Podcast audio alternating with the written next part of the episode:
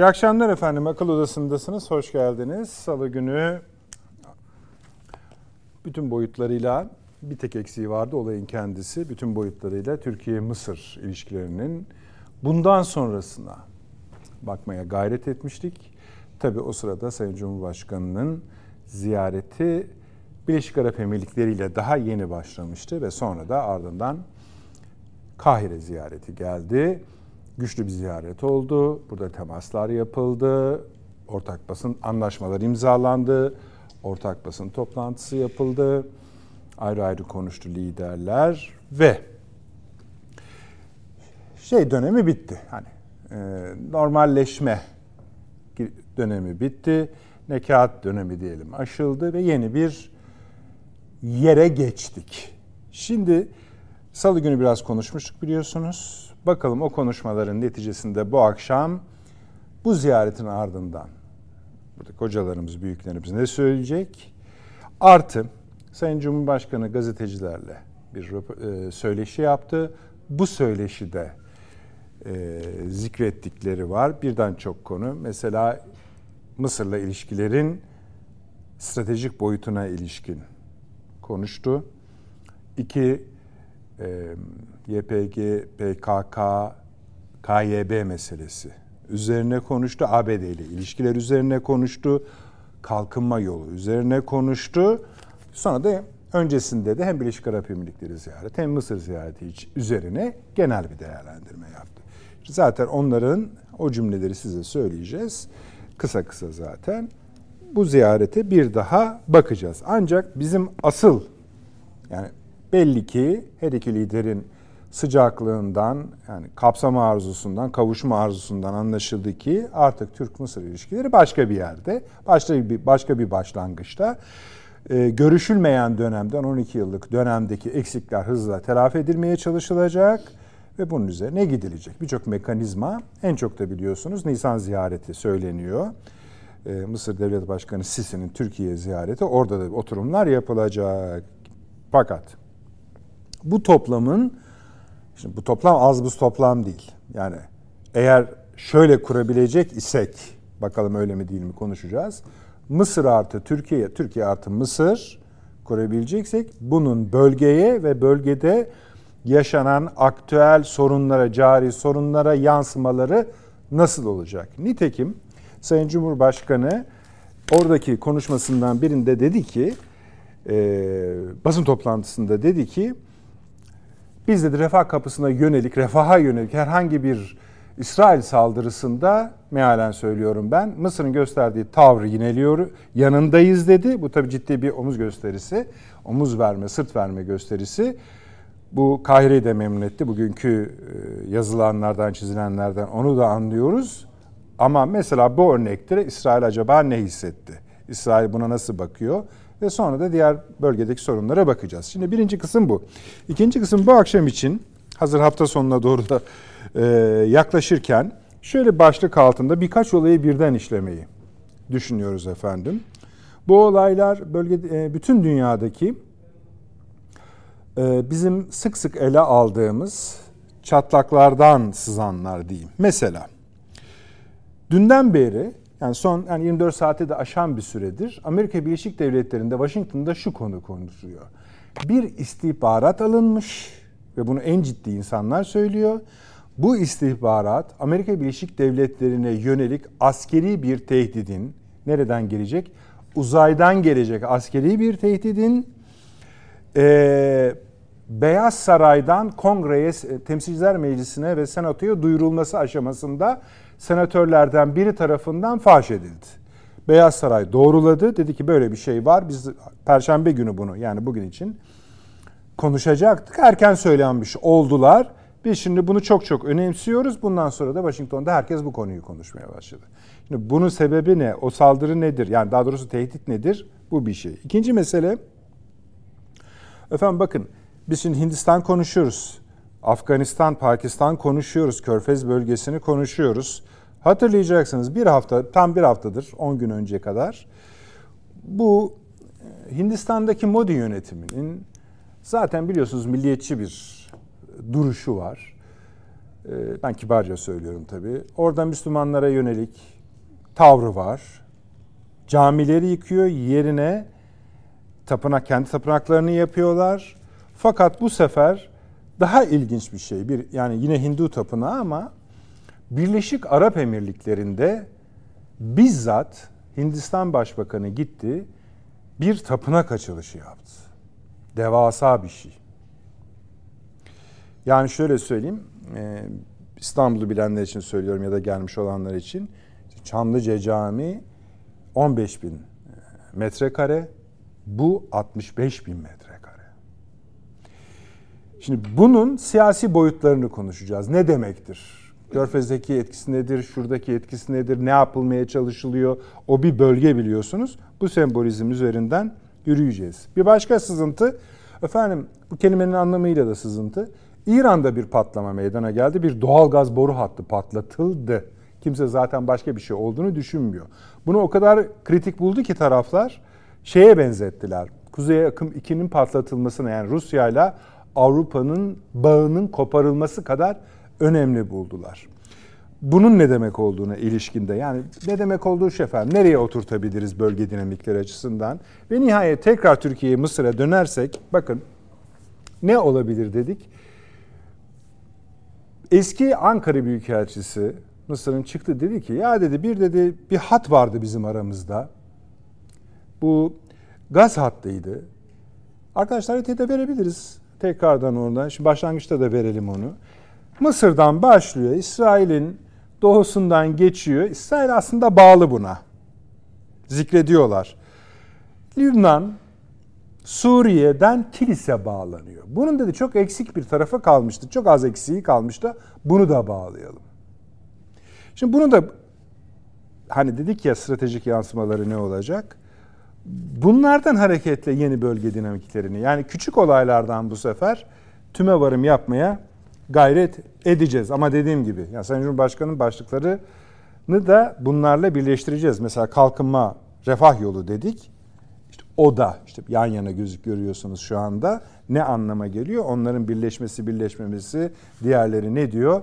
Onlara da bakacağız. Sayın Avni Özgürel, hoş geldiniz. Hoş bulduk. İyi akşamlar. Profesör Doktor Süleyman Seyfi Öğün hocam. Hoş geldiniz. Hoş. Efendim Çağrı hocamız yolda. Daha doğrusu uçakta. Ee, benim onu son konuştuğumuz yer Rusya'ydı. Oradan geliyor. Tabi biraz şartlar yani hava şartları nedeniyle gecikmesi oldu. Bize hızla katılacak. O zamana kadar da biz mümkün olduğu kadar yerini sağlam tutmaya gayret edeceğiz. Armi buyurunuz. Evet. Salı günü konuştunuz Mısır Türkiye hakkında. Tabii. Ne oldu şimdi? Tutturdunuz mu? Yani e, zaten daha o zaman resmi görüşmeler başlamamıştı. Tabii tabii biz yani biz şey bir sonuç bildirisi yoktu yani ortada zaten, basın toplantısı evet, yok sorular yok. Sonra Birleşik Arap Emirlikleri ziyareti vardı filan. Yani o tabloya baktı, bakarak bir şey Kahire ile ilgili söylemek zor tabii. Şimdi ama biraz daha rahat konuşabiliriz. daha rahat konuşabiliriz. Ee, yani 2013 darbesi değil mi? Evet. Ondan itibaren e, kopan bir ilişki zincirimiz var bizim. E, karşılıklı olarak hem Türkiye hakkında Mısır'dan gelen sinyaller son derece olumsuzdu. Hem de Türkiye'den giden e, yorumlar, açıklamalar son derece rahatsızlık verici idi. Ee, bakıldığında Ankara hem Akdeniz'deki çıkarlarını da tabiatıyla düşünerek onları söyleyeceğiz e. Evet, 2020'de Libya çıktık. Değil mi yani Libya'ya çıktık derken sanki çıkarma yaptık gibi. Ama öyle de biraz oldu hani yani askeri biraz teknik çıktı. açısından sizin dediğiniz gibi olmayabilir ama çık çıkıldı yani. Yani işte. öyle. Türkiye Oraya ben çıktı. burada varım dedi. Evet. Bu bölgede ve burada varım dedi. Bu Mısır'ı tedirgin etti. Ve o zaman hatırlayan hatırlayalım. Ee, Mısır ordusunu e, Libya sınırına yığdı. Bütün Rum Libya sınırına yığdı. Ee, onun ötesinde Ankara aynı dönemde ona yakın Süveyş kanalının hemen açığında Kızıldeniz'de bir adayı kiraladı. Bunları hep burada kayıtlı akıl odasının Yani- tarihinde Ya- Çünkü ya- önemli yani olay tabii tabii doğru söylüyorsunuz. Buyurun. Kahire bunları not etti.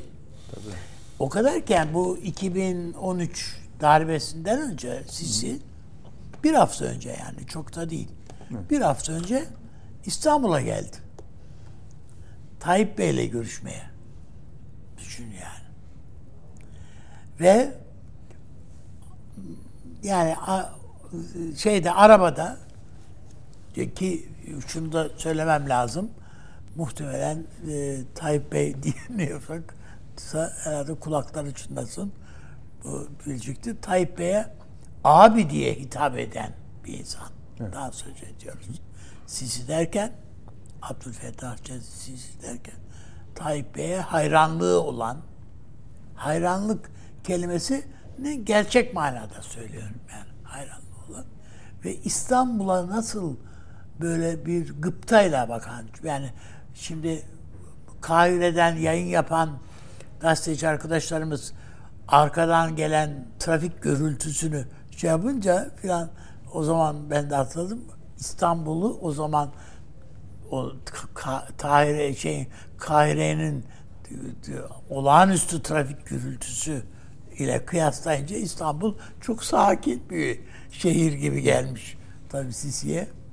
Ee, yani bir İstanbul hayranlığı var. Bir de Tay- Tayyip Erdoğan hayranlığı var. Hepsinin bunun arasında düşünmek lazım. Ee, bütün bu süreçlerin içerisinden geldik biz. Ha, o arada tabii geçen günde, salı günü de söylemiştim. Türkiye'de tabii bu darbe ile iktidara gelmiş bir insan Sisi. E, Türkiye'de elbette yani darbeye prensip olarak her nerede yapılırsa yapılsın yani Mısır'da yapıldı yapıldığında taraftar öbür tarafta yapıldığında karşı falan diye bir şey olmaz yani Mısır'da da yapıldığında Türkiye e, hele bir demokratik seçimle gelmiş bir e, kadronun e, darbeyle uzaklaştırılmasına karşı çıkar.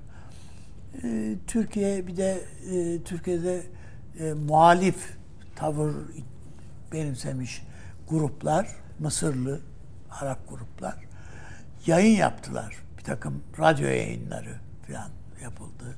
Onun dışında bir takım gruplar e, oluştu. Bunlar internet ortamını falan da kullandılar. Bütün bunlar Mısır'ın Mısır'ı tedirgin etti. Ve Türkiye aleyhine bir kamuoyu yani zihin oluştu. O Türkiye sempatisi filan bizden de giden açıklamalar filan hep böyle olumsuz bir, şey, bir şeyler e, orada çağrıştırdı hep. E, sonuçta evet e, o radyo yayınlarını yapanlar Türkiye'den gönderildi, yasaklandı, gönderildi. O radyolar kapatıldı. O yayınlar son buldu ama onun izleri devam etti kaldı.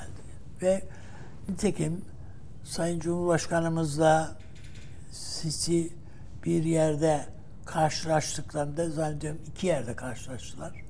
O e, bu Dünya Kupası şeyinde de dahil olmak üzere.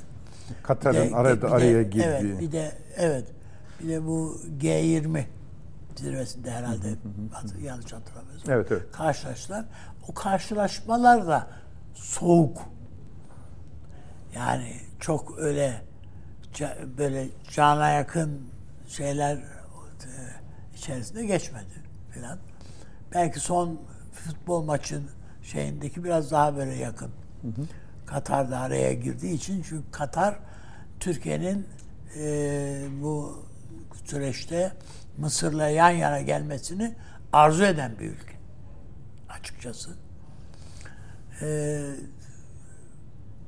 bir bakıma Tayyip Bey'i de bu görüşmeye falan ikna eden, bu elçiliklerin tekrardan açılması, elçi teatisi, yani bütün bunların içerisinde evet bizim istekli olmamız vardır mutlaka ama onun ötesinde Katar'ın veya bu konudaki e, Mısır'dan gelen olumlu sinyalleri Ankara'ya aktardığını da söylemek lazım. Bugün gelinen noktaya bakalım. Bugün e, yani hepimiz senelerdir işte devlet ziyaretlerini, e, resmi ziyaretleri takip ettik, gördük. Seyircilerimiz de görmüşlerdir. Genelde bir protokol izlenir. Sisi açıkçası o protokol şeyini aşarak havaalanında karşıladı Sayın Cumhurbaşkanımızı. Bu önemli bir şey. Ve son derece itibarlı bir şeyle sonra Cumhurbaşkanlığı sarayına aldı. Oradaki e, davranışları, yaklaşımı filan hepsi birinci sınıftır. Yani ne kadar memnun olduğunu bu buluşmadan falan hepsini hem yüz, yani e, o yüz ifadelerinden falan da okumak mümkün. Hem de zaten bir devlet başkanı hani beyaz bir sayfa açıldı kelimesini kullanıyorsa bu iki anlama geliyor. Tabii, bir yani, geçmişi evet, kapattık. Evet, kapattık yani o şeyi e, hepsi arkada kaldı falan diye. Tekin bakıldığında e, ikili görüşmelerin, baş başa yapılan görüşmelerinde tamamında o az önce söylediğim ağabey e, üslubu Sisi'nin onun ikili görüşmede görüşmeye de hakim olduğunu söyleyebiliriz. Hı hı. Yani e, Sisi hakikaten Türkiye'yi bir model ülke gibi görüyor idi. Bu bu sefer de baktığımızda birçok şeyi Tayyip Bey'in e, ikili ilişkilerde zaten başarılı bir lider Tayyip Erdoğan. E, o bakımdan e, görüşmelerde çok rahat hem siyasi konularda kanaatlerini e, ifade ediyor hem de bölgeye ilişkin düşüncelerini müşterek hareket etmenin e, iki ülkeye nasıl bir ufuk e, açabileceğine e, konusundaki düşüncelerini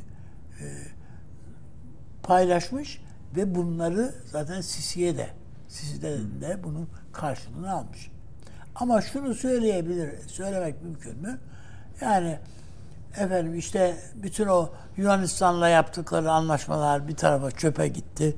Biz anlaşmaları bizden yapılacak falan. Hayır böyle hayal hayalperest şeyler kuramayız. Ama e, bu e, Doğu Akdeniz e, gaz formu diye bir şey var.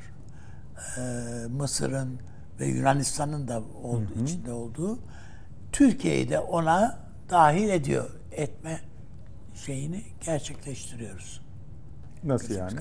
Yani Türkiye'de o yani çünkü o e, Türkiye'nin de Birleşmiş Milletler'e tasdik ettirdiği biliyorsunuz bir e, hı hı. şey alan müra, var. alan var. E, orada onu e, ona dayanarak Türkiye'yi de bu forma dahil etme. Biraz da bunun etkisiyle Avrupa Birliği e, nezdinde Yunanistan ki bir hafta önce bu ziyaretten e, Tayyip Bey'in ziyaretinden bir hafta önce Yunanistan Dışişleri Bakanı şeye Kahire'ye gitti. Evet. Muhtemelen bazı şeyleri garantiye almak veya kendi düşüncelerini, Türkiye konusundaki çekincelerini falan yansıtan şeylerdir. Geçen gün e, Salı günde söylemiştim. Bu e, Kıbrıs'ta e, Alman Cumhurbaşkanı'nın e, şeyinde işte adada bizim derdimiz parçalanmışlık, bölünmüşlük. Sizin yardımınızı rica ediyoruz diye Alman Cumhurbaşkanı'na e, Güney Kıbrıs Rum yönetiminin Cumhurbaşkanı rica ediyordu. E, yani öyle o kadar eli kolu rahat değil yani Güney Kıbrıs'ın. Hem kendi yani Yunanistan nezdinde de rahat, çok rahat değil. Hem Avrupa Birliği nezdinde de. Avrupa Birliği çünkü Ankara ile ilişkilerinde de dikkat edersek bir süredir olumlu sinyaller bir takım şeyler gönderiyor. Nitekim Dışişleri Bakanımız e, vize vize bir şantaj aracı olamaz şeklinde bir demeç verdi. Evet. Dün zannediyorum. Ya evet. Şimdi bütün bunlar bu Mısır gezisinin Türkiye açısından birinci derecede önem kazanarak ve etkili, sonuç alıcı e, bakımından da önemli şey, Avni abi şöyle diyor Sayın Cumhurbaşkanı. gösteriyor zaten. Şöyle diyor hmm, gazetecilerle konuşmasında. Şimdi tabii birden çok soru sorulmuş. Bunların bir kısmı iç politikayla da ilgili. Bir kısmı da tabii Birleşik Arap Emirlikleri Mısır ziyaretiyle ilgili. Evet. Bunlar içinde bölgesel denkleme ilişkin yani jeopolitik içerik barındıran cümleleri şu kadar. Ee, biz Mısır ile sadece aynı tarihi değil, aynı denizi de paylaşıyoruz ve o denizin küresel denklemdeki önemi her geçen gün daha da artıyor. Dolayısıyla iki ülkenin birlikte ve aynı istikametteki senkronize adımları çıkarlarınadır. Bizler de Mısır tarafı da bu gerçekliğin farkında ve yeni dönem bu sağlam zemin üzerine bina ediliyor. Önümüzde çok kritik sınamalar var ve gelecekte dünyayı hangi öngörülemeyen zorlu süreçler bekliyor bilmiyoruz. Bu nedenle bugün bugünden hem bölgemizde hem dünyada barışı ve huzuru korumak için bir arada olmak zorundayız. Önümüzde iki ülkeyi de kalkındıracak ve işbirliği alanları mevcuttur ve sırası geldikçe adımlar atılacaktır. Şimdi bir deniz. Evet. Denizden kastetti Akdeniz evet, ve diyor ki burada yeni bir durum var. Gaz formunu onun için söyledim işte. Tamam. Evet. Ama aynı zamanda burası daha da diyor. Tabii. Daha, daha da, da artacak. Değil mi? İkinci vurgu şu. Bu diyor sınamalar Türkiye aslında bunun tarifini yaptı. Yani bütün dünya çalkalanıyor evet. artı ekonomi dedi.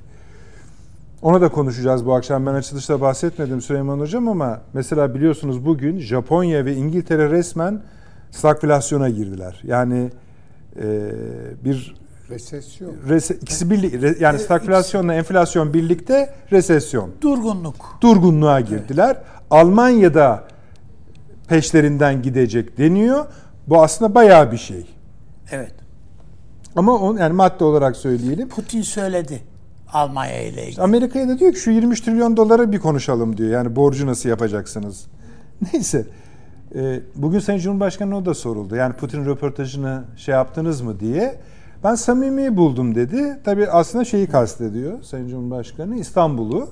Tabii. Yani artık dünyada zaten herhalde yani İstanbul Anlaşması'nı, Ukrayna Rusya Anlaşması'nı kimin bozdu ve nasıl bozduğu konusunda bozanlar ama, dahil bir itiraz evet, eden yok herhalde. Ama bunu bizim daha fazla vurgulamamız lazım. Dünyaya evet. anlatmamız Hı-hı. lazım.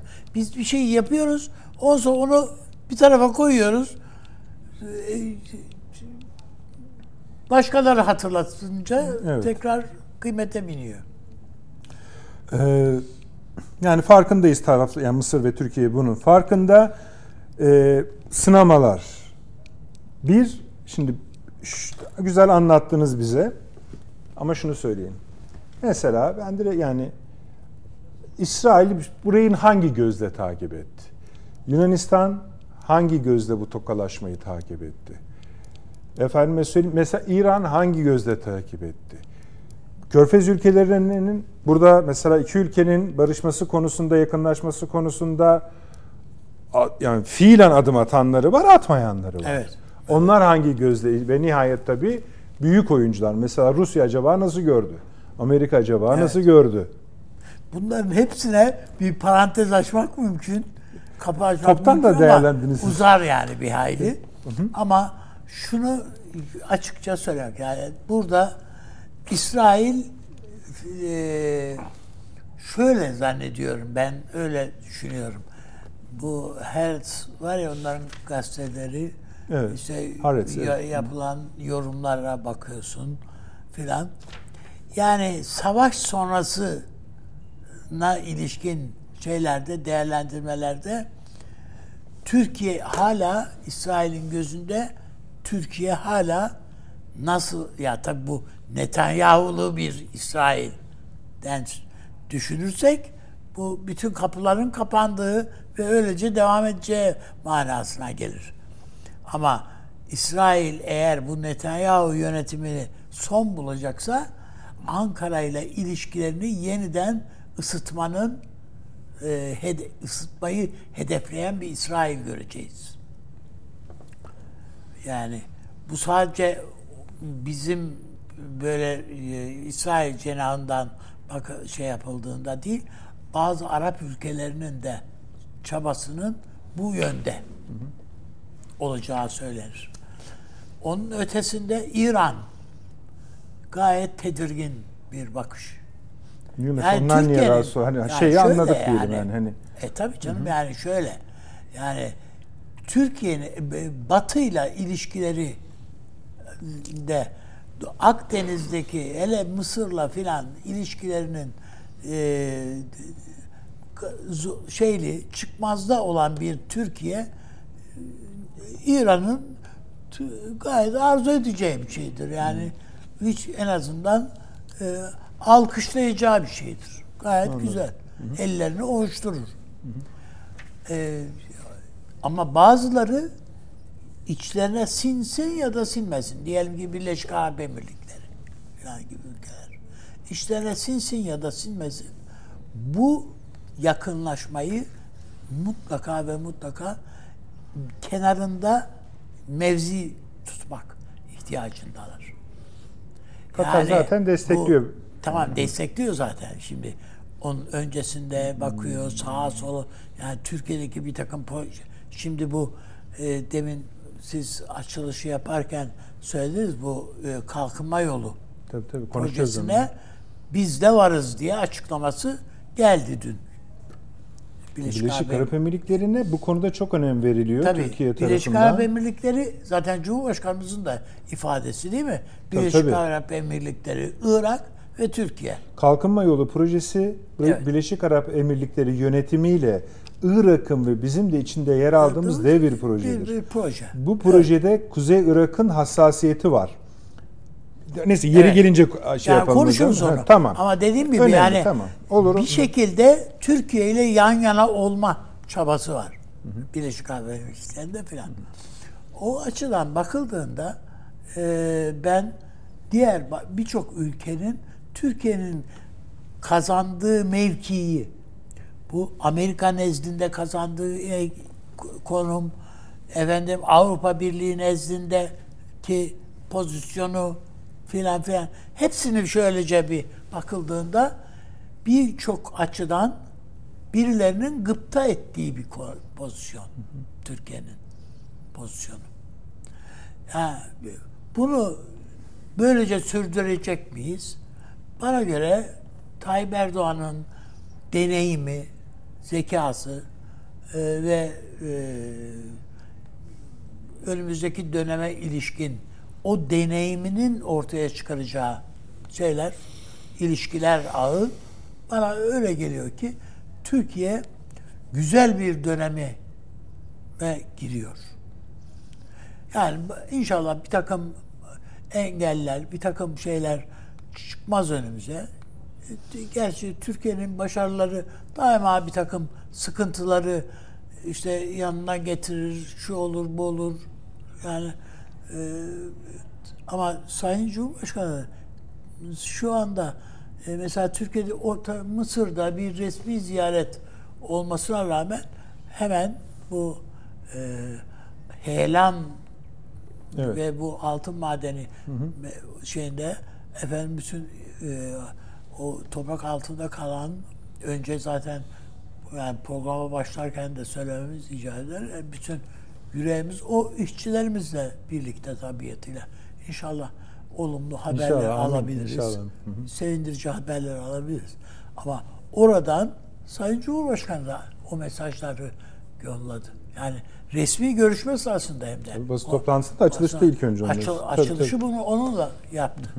Yani bütün Peki. bunların ben olumlu işaretler iç kamuoyu açısından da olumlu işaretler. Tabii toplam olduğunu yapacağız zaten kanaatindeyim. programın sonunda inşallah. Hani Gibi. bakalım öyle mi? Tekrar bakalım. Yani, Süleyman yani Hocam. böyle bakmak lazım. Teşekkür ederim hocam. Süleyman Hocam buyurunuz. Şimdi e, bu son e, Cumhurbaşkanlığı seçimlerinden hemen sonra e, Erdoğan, Reisi Cumhur Erdoğan bir açıklama yaptı. Dedi ki bundan sonra dış politika itibariyle bizi kuşatan bir takım sorunların, gerilimlerin, hatta husumetlerin e, ortadan kaldırılması için bir çaba ortaya koyacağız. Bir gayretimiz olacak dedi. E, Şimdi o açıklamayı eğer merkeze koyacak olursak hakikaten e, başta İsrail olmak üzere Birleşik Arap Emirlikleri, Suudi Arabistan bunlar hep sorunlu olduğumuz e, devletlerdi E, ve Mısır. İşte görüşmeler yapıldı, gitmeler, gelmeler, ziyaretler Zaten vesaire. İsrail artık bizim yapacak bir şeyimiz kalmıyor yani. Hayır şimdi Evet, ama tabii. başlamamış Yani- mıydık? Ha, başlamıştık da. İşte onu hani artık zaten. Evet. Ama bu Gazze meselesi bunu merhaba etti. Tamam. Şimdi hakikaten çok kırılgan bu işler. Yani 7 Ekim'den evvel Türkiye Cumhuriyeti Devleti ve İsrail arasındaki işte gitmeler gelmeler oldu değil mi? Yani Cumhurbaşkanları Tabii, geldi buraya. Evet. Ya hatta yani Erdoğan'ın da e, İsrail'i e, ziyaret edeceği e, konuşuluyordu. E, işte gazeteciler bir şeyler yazıyorlar. Kanaat önderleri konuşuyor vesaire. Pat bir anda sönümlerini verdi. Uçtu gitti. Şimdi şöyle düşünelim. Türkiye Cumhuriyeti Devleti ile İsrail Devleti arasında normalleşme, bakın tırnağın içine koyarak söylüyorum. Normalleşme bir daha ne zaman başlayabilir acaba? Yani çok ilginç. Bakın Amerika Türkiye arasındaki sorunları üzerine o kadar çok konuşulduk. Bunu ve ağırlığı üzerine artık kimsenin tartışması yok. O konuda dahi insana ya 10 yıl sonra 15 bakarız yani be- belli olmaz bu işlere kadar. Hala konuşuyorlar. Fakat şimdi ben mesela e, fikrinde güvendiğim insanlara Türkiye İsrail'i sorduğumda abi o o çok zor hani hiç tarih marif filan söyleyen hiç Güzel. Demek ki kırılgan bir e, bir dizi safadan, bir safattan konuşuyoruz. E, şimdi buradaki oynamalar dikkat çekici. Bir kere bunları bir görmemiz lazım. Yani ben Sisi'nin geldiği salona dahi Erdoğan'ın girmediği şeyleri biliyorum. Olayları Olayları biliyorum. yani toplantıları. Yani şimdi bunlar yokmuş gibi de bakılmaz. Böyle bir şey de var bu arka planda.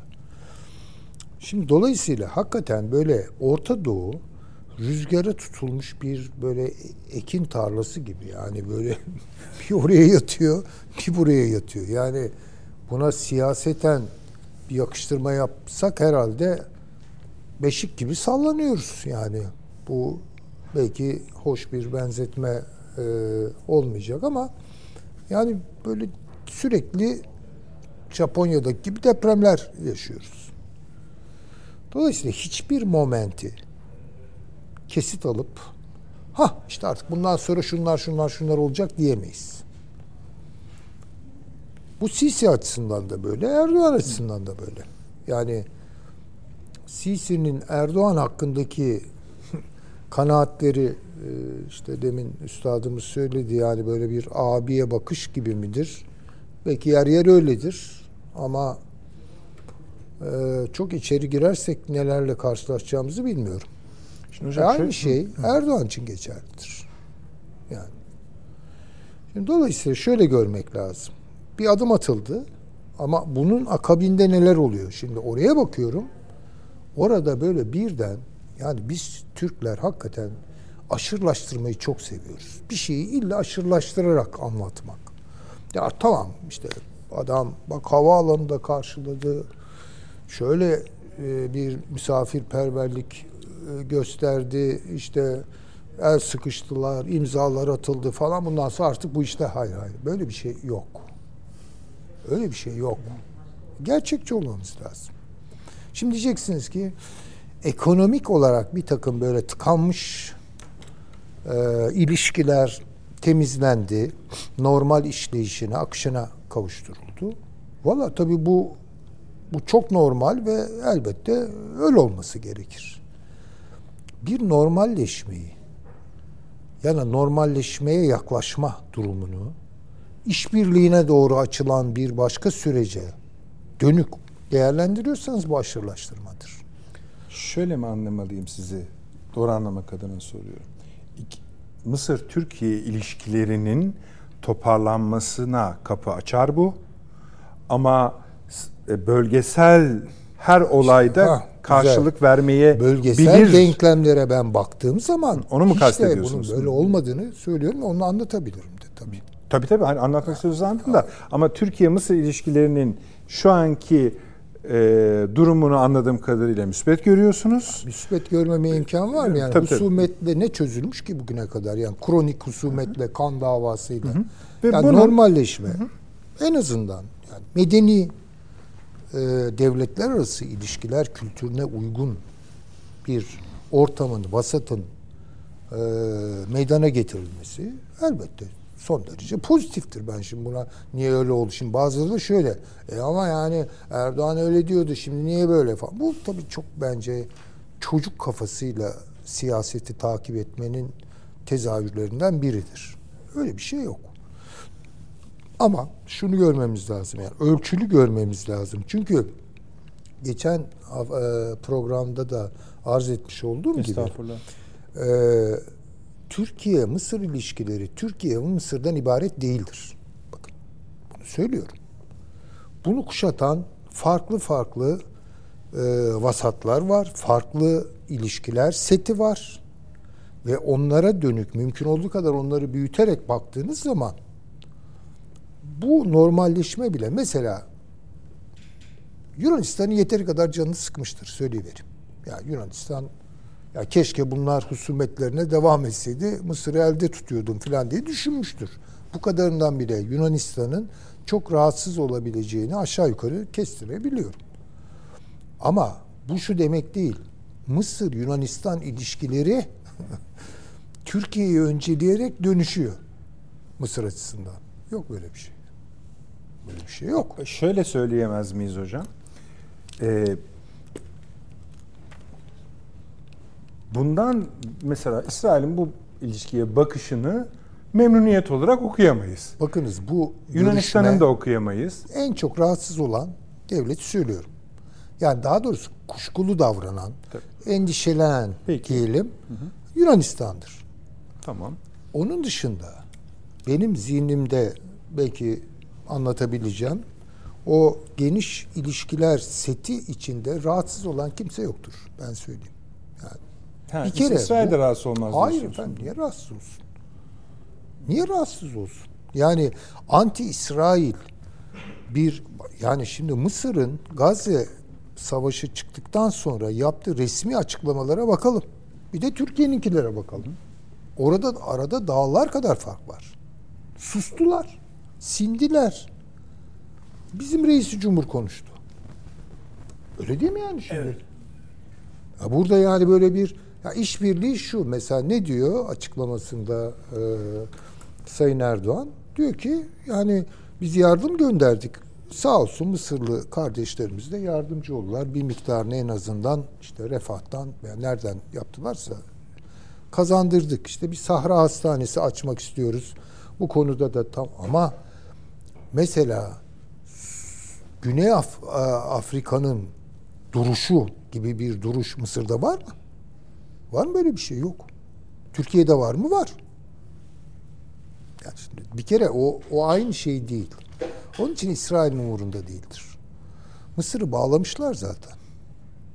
Nasıl Türkiye bağlamışlar Mısır'ı. Ne yapacak Mısır? Şimdi efendim Mısır'da Sisi rejiminin arkasında ne var diye baktığınız zaman Birleşik Arap Emirlikleri var.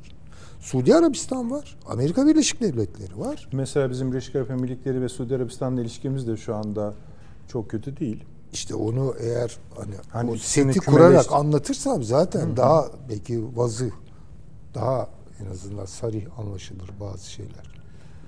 İşte efendim ben bu onu anlatmamı istiyor musunuz? Tabii hocam, Ha, yani o hani- zaman başlayayım yani hani- bir kere ben burada işin merkezine Hindistan'ı koyarım.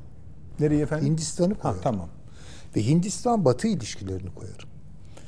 BRICS'in son toplantısında Hint, e, Hindistan adına konuşan, şimdi kimdi hatırlayamıyorum, şunu söyledi. Biz dedi BRICS'in anti-Batı'ya evrilmesine izin vermeyeceğiz. Buyurun. Buyurun. Akabinde ne oldu?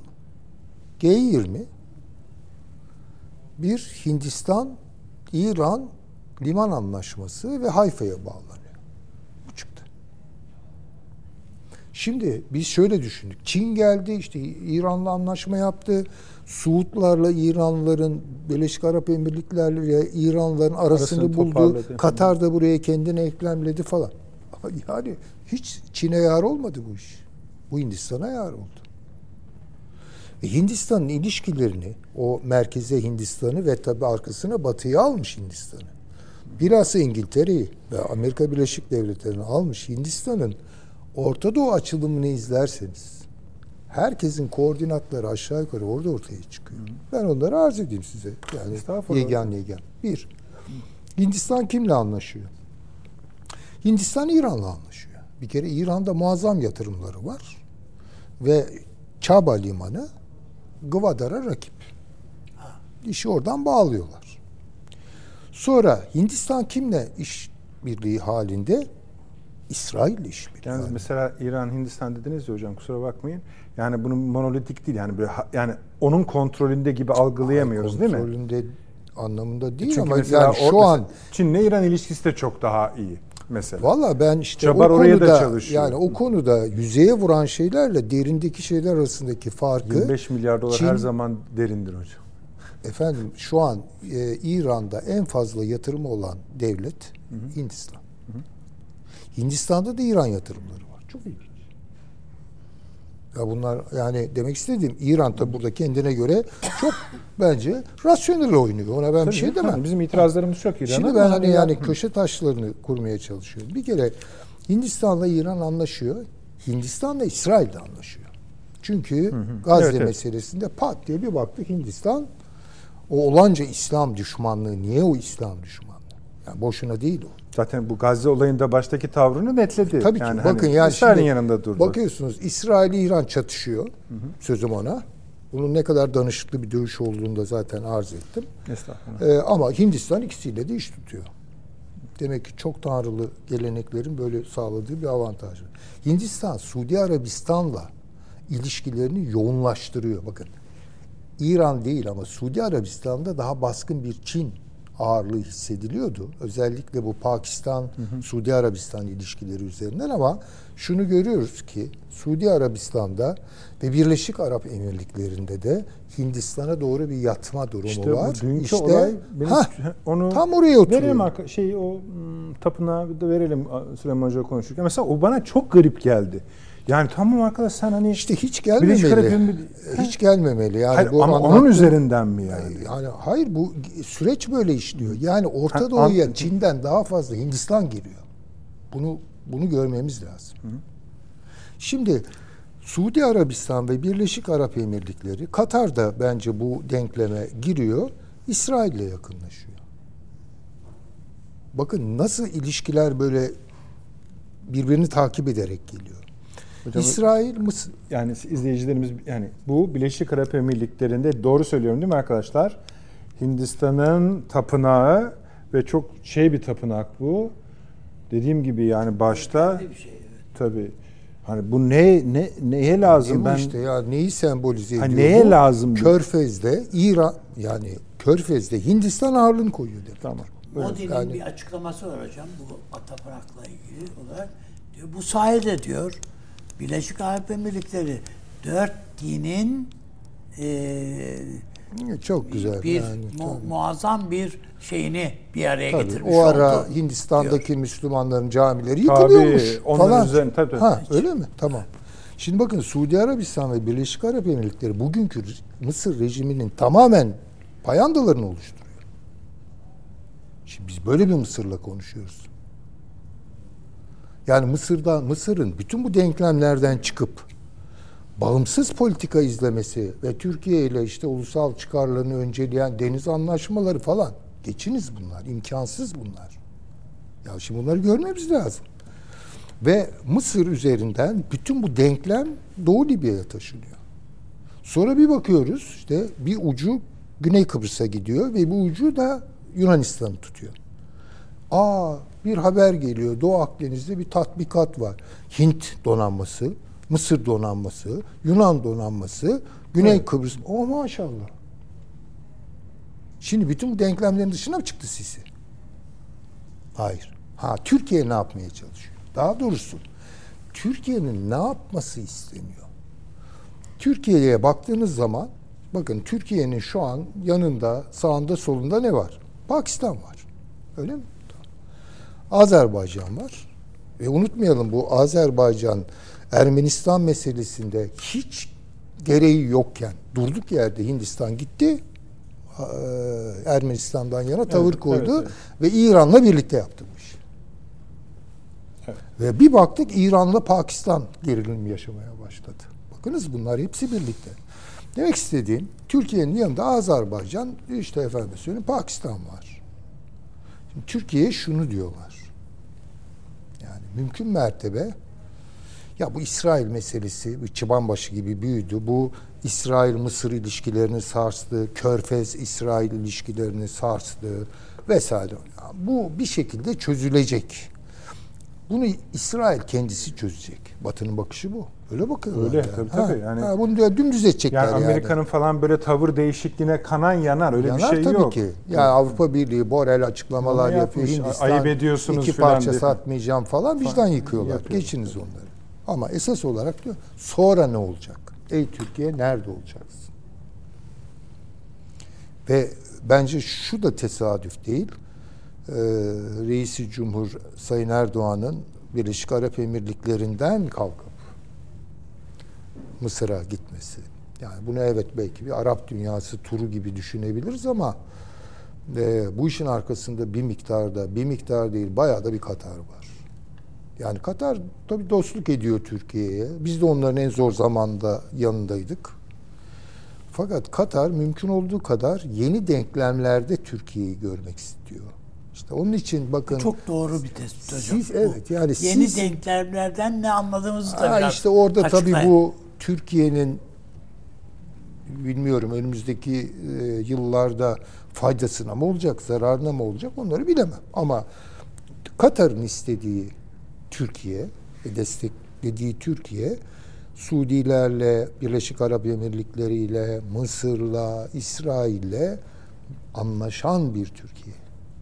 Çünkü Katar çok ilginç bir ülke. Yani ben Katar'ı hakikaten yani e, bir Katarlı bulsam elini sıkacağım yani. Çok ustaca bir dış politika yürütüyor. Ha, teknik anlamda söylüyorum. Teknik anlamda. Bir ara çok sıkıştılar. Yani bir ara makasla kesip E, denize atacaklardı. Ha. Suudi Arabistan üzerine geldi. Geldi. 11 madde hikayesini söylüyorsun. Tabii, tabii. yani. Ama bundan çıktı. Türkiye'nin de desteğiyle Tabii, çıktı. tabii, Ve bunu da unutmuyorlar. Ve Katar'ı Tabii, ben tabii. şu anlamda da şu yani ana kadar yani. Osmanlı'ya sonuna kadar sadık kalmış tek Arap bölgesidir o. Yani oradaki Tabii şeyler, öyle. Araplar Öyle tabii. yani Türklere karşı hiçbir ön yargısı olmayan e, hatta sevgisi, bağlılığı olan bir yerdir. Şimdi ama buna rağmen Katar'da ne var? Bakın Katar'da merkezi nerede şeyin Hamas'ın Evet. Katar'da. Hmm. Peki Katar'da en büyük Amerikan üssü var mı? Tabii Var. öyle. ekonomik ilişkileri açısından ona en yakın olan neresi? İngiltere. Katar herkesle yani Katar çok ustaca götürüyor bu işleri. Yani bunu görmemiz lazım. Dünyanın en iyi e, etkili haber kanalı. Haber yani, kanalı da orada. Ya vallahi yani. yani bu Ve İran şey ha. İngiltere'nin desteğiyle. İngiltere'nin tabii desteğiyle. Yani şimdi dikkat etmeniz lazım. İşte İngiltere Katar ilişkileri, Hindistan Katar ilişkileri, e, Körfez Hindistan ilişkileri, Hindistan İngiltere ilişkileri falan bütün bu denklemlerle birlikte bu, bu söylediklerim bir çerçeve çiziyor. Gayet İçini bu. doldurarak e, böyle o bilgileri buraya boca ederek anlatmıyorum. Yani buna zaten programda uygun değil. E, bence biraz da yüktür yani. insanları bunlarla yormamak lazım ama çerçeveyi ortaya koymamız lazım. Yani böyle bir dünyada böyle bir Orta Doğu'da Türkiye'nin e, hakikaten yani Pakistan ve Azerbaycan dışında Güney Kıbrıs ve tabii Doğu şey Batı Libya bunların içinde kendine bir takım böyle nasıl söyleyeyim kendini e, çok da böyle zora sokmayacak şekilde nefes al alma alanları geliştirmesini tabii takdire şayan buluyorum. Mısır'ın içine düştüğü zor durum bakın Gazze yaşanmasaydı ya da Gazze meselesinden önce bu görüşme tutun ki oldu. Hiç böyle olmayacaktı. Yani Sisi böyle böyle davranmayacaktı. Ama şimdi çok zora düştüler. Ve Türkiye'yi de yanlarında istiyorlar. Destek istiyorlar. Dolayısıyla işte o misafirperverlik vesaire bütün bunlar e, yaşandı. İyi de oldu. Yani ben buna kötü diyemem. Çünkü işbirliği doğuracak bir tabloyu görmüyorum ben yapılan açıklamalarda. İşte yani bir takım anlaşmalar var. Küçümsemiyorum. İsrail'le de ticaretimiz devam ediyor değil mi benim bildiğim yani. Orada da bir sıkıntı yok. Yani ekonominin bundan bence zaten ayrıştırılması lazım. Bütün dünyada. Ee, onun için e, normalleşme olarak bunu selamlayabilirim. Ama e, başta söylediğim tekrar ederek bitireyim. Bu hiçbir zaman Böyle aşırı beklentiler. Aman aman.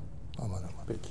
Buraya bir virgül koyalım ben hocam. bir şey soracağım hocama da reklama gitmeden bir Reklam cümle bir Çağrı şey. hocamızı da alacağız. Tamam bir cümle bir şey. Şu. İslam dünyasında yani mesela İsrail ile ilişkiye baktığın vakit ve hatta Hristiyan dünya, dünya ile ilişkiye baktığın vakit böyle tedirgin bakışlar olabilir. Ama Hint dediğin vakit sanki Hintliler Hindu, Hindu inancı sanki biraz daha soft zannediliyor. Hayır hayır hiç öyle bir şey. Hayır olmadığını biliyorum ben. Ama genelde sanki o bir böyle bir daha böyle munis, daha böyle Üstadım, şey Budist, insanlar zannediliyor. Budistleri, Tam aksine. E, uçan kuşla bir Jainizm diye bir akım vardır biliyorsunuz Hindistan'da evet. yorumlardan biridir. Yani adamlar nefes alırken bile havadaki virüslere zarar vermeyelim. Hayat evet. böyle tuhaftırlar. Şimdi bunu buna bakarsanız aa bunlar hakikaten Teorik çok barışçıl. Yani. Yok canım. O, Bu Hinduizmin çok etkili bir koludur üstelik. Evet. Ama işte Hindu milliyetçiliğine dönüştüğü zaman işte, Hinduizm işte Budizm de öyle e, hocam e, Budizm değil mi? Myanmar'da, Myanmar'da palalarla geldi karşımıza. Tabii. Müslüman kestiler yani. Peki. Efendim kısa bir araya gidiyoruz. Dönüşte Çağrı hocamız da yanımızda olacak inşallah genişleterek devam edeceğiz. Döndük efendim akıl odası devam ediyor. Bu arada Çağrı hocamıza bir hoş geldiniz diyelim. Hoş hem programa hoş geldiniz hem Türkiye'ye, İstanbul'a hoş geldiniz. Teşekkür ederim. Ee, bir, müsait olduğunuz bir ara programda o to, Rusya'daki o toplantının parçalarını da belki anlatırsınız. Tabii. Ama şu ana kadar Mısır'la geldik. Evet. Salı günü de olmadığınız için bir genel değerlendirmenizi al. Hatta genel değil özel değerlendirmenizi de alalım. Size gelmedi hocam. Bu şey konuşmaya devam ediyor ve Avrupa'nın ödünü patlatıyor bu adam. Yani şeyi tekrarlamış. Ya arkadaş hiç böyle kimse şeye kapılmasın diyor. Ben diyor gelince diyor direkt diyor yapacağım o ülkeleri diyor. Bu paraları ödeyecekler diyor. NATO ülkeleri, Avrupa ülkeleri. Ödediler, ödediler, ödemediler diyor Rusya ile diyor. Stoltenberg'in açıklamasını dinlemişsinizdir. Evet. Dedi ki NATO'dan çekilirim demiyor diyor. Siz NATO'ya, askeri bütçeye niye katkı sağlamıyorsunuz diye eleştiriyor ve ve diyor haklı bir eleştiri diyor. Yani Stoltenberg Hah, bu çok iyi şey. eleştiriyi haklı buldu. Çünkü rakamlar ortada. Şimdi biz NATO'nun geçen almış olduğu bir karar doğru, var. Salı günü ödeyenlere ödemeyenleri vermiştik. Şimdi herkes para ödemeye çalışıyor. Bakın çok ilginç. Hani Amerika'da iktidarda olmayan birisi canınıza okurum dedi. Şimdi bu neyi gösteriyor? Bir, demek ki Trump'ın seçilme ihtimalini Satın 51, alıyorlar. %51 Tabii görüyorlar. Satın alıyorlar demek evet. İki neyi gösteriyor? Trump'ın bu söylediğini yapabileceğini düşünüyorlar. Şaşırır mısınız? Yani yapar. Yapar. Adam gerçi bir söylediğini bir hafta sonra değiştiren de bir adam. Yani Suriye'den çekileceğim dedi. 15 gün sonra vazgeçtim dedi filan ama e, yüzde ikilik bir biliyorsunuz gayri safi milli hasılanın yüzde ikisini savunmaya harcama diye bir söz al, vermişler birbirlerine. Bu NATO'nun en üst düzeyli karar organında, Kuzey Atlantik Konseyi'nde. Fakat e, bunu gerçekleştirebilen benim bildiğim 6 tane sadece NATO üyesi var. Yani geri kalan 20 küsur ülke bunu vermiyor.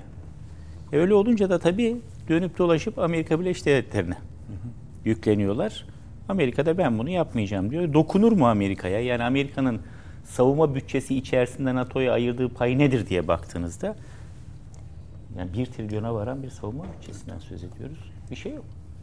Ama işte oradan dönüp Avrupalı ülkeleri de bir anlamda bu süreçte çok da fazla aleyhime konuşmayın mesajı da veriyor herhalde seçim sürecinde.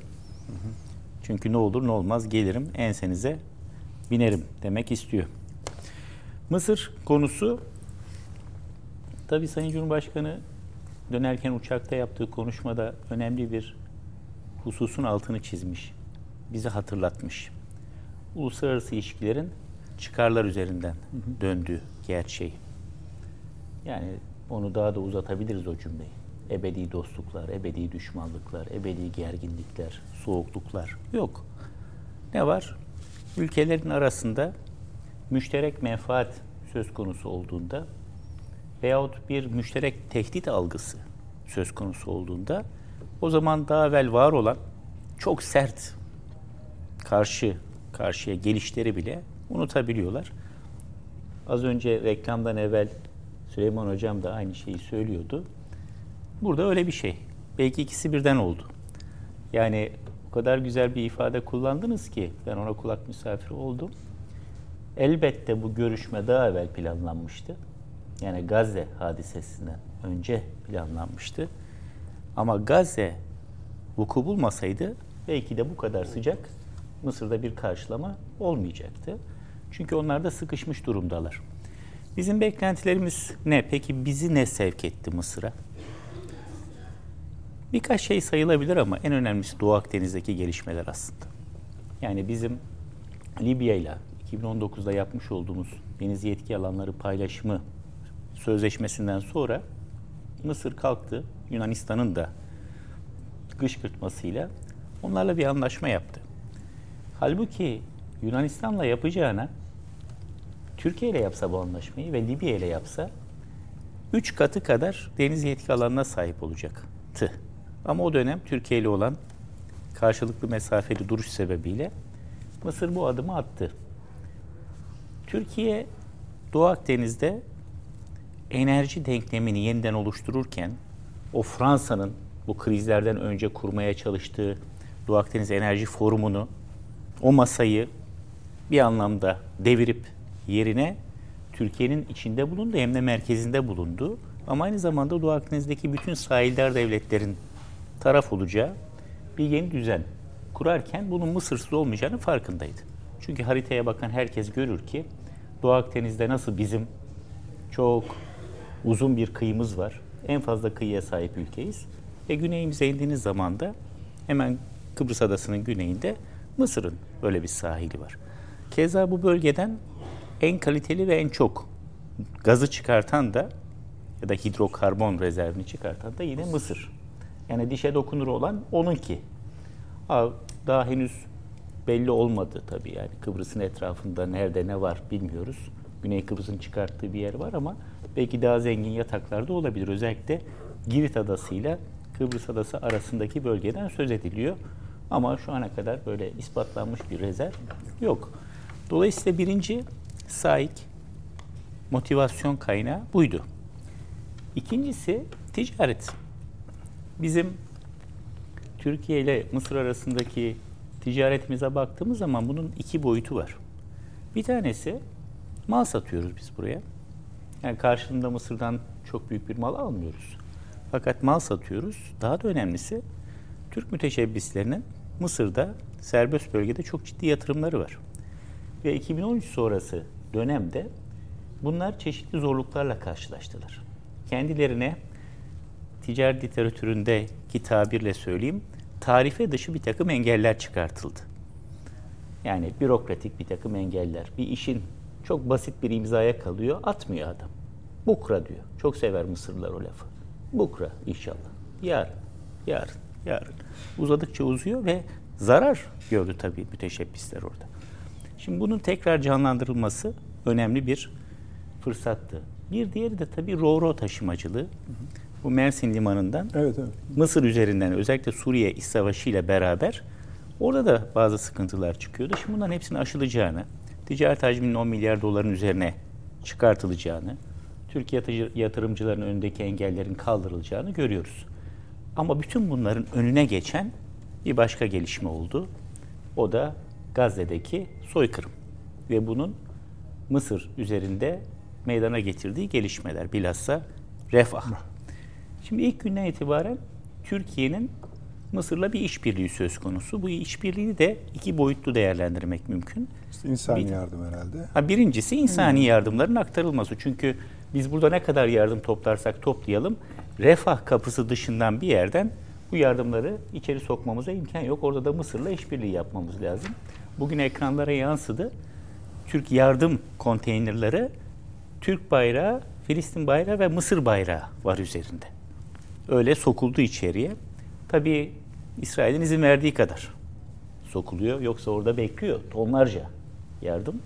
İkincisi de taraflar arasında bir takım görüşmelerin yapılmasında da işbirliği yapmaya başlamışlardı Türklerle Mısırlılar ilk andan itibaren. Yani rehinelerin serbest bırakılması ve İsrail'in de saldırıları durdurması için e, Mısır'da yapılan bir toplantıda biliyorsunuz Türkiye'nin o zaman bir aktif garantörlük teklifi de Cari hala. Yani Hala istiyor cari, Tabii, hala talep cari. ediyor onu.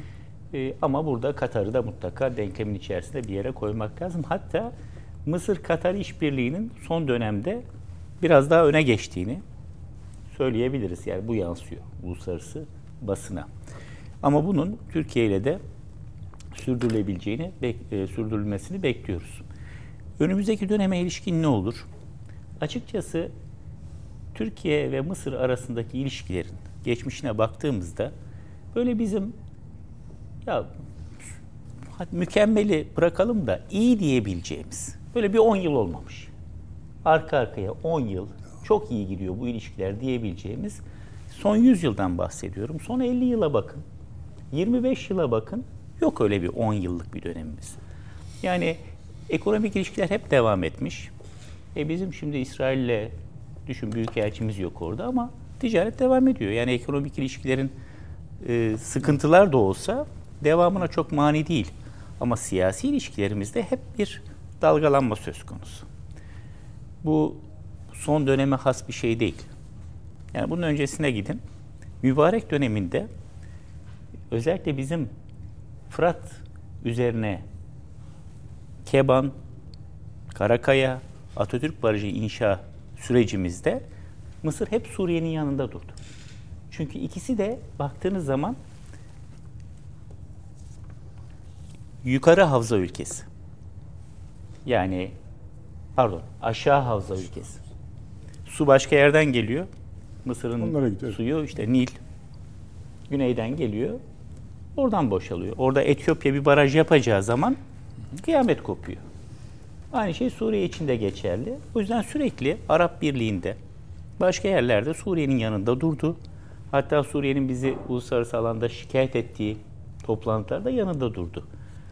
Bir tek Öcalan'ın çıkartılması sürecinde mübareğin bir mekik diplomasisi vardır.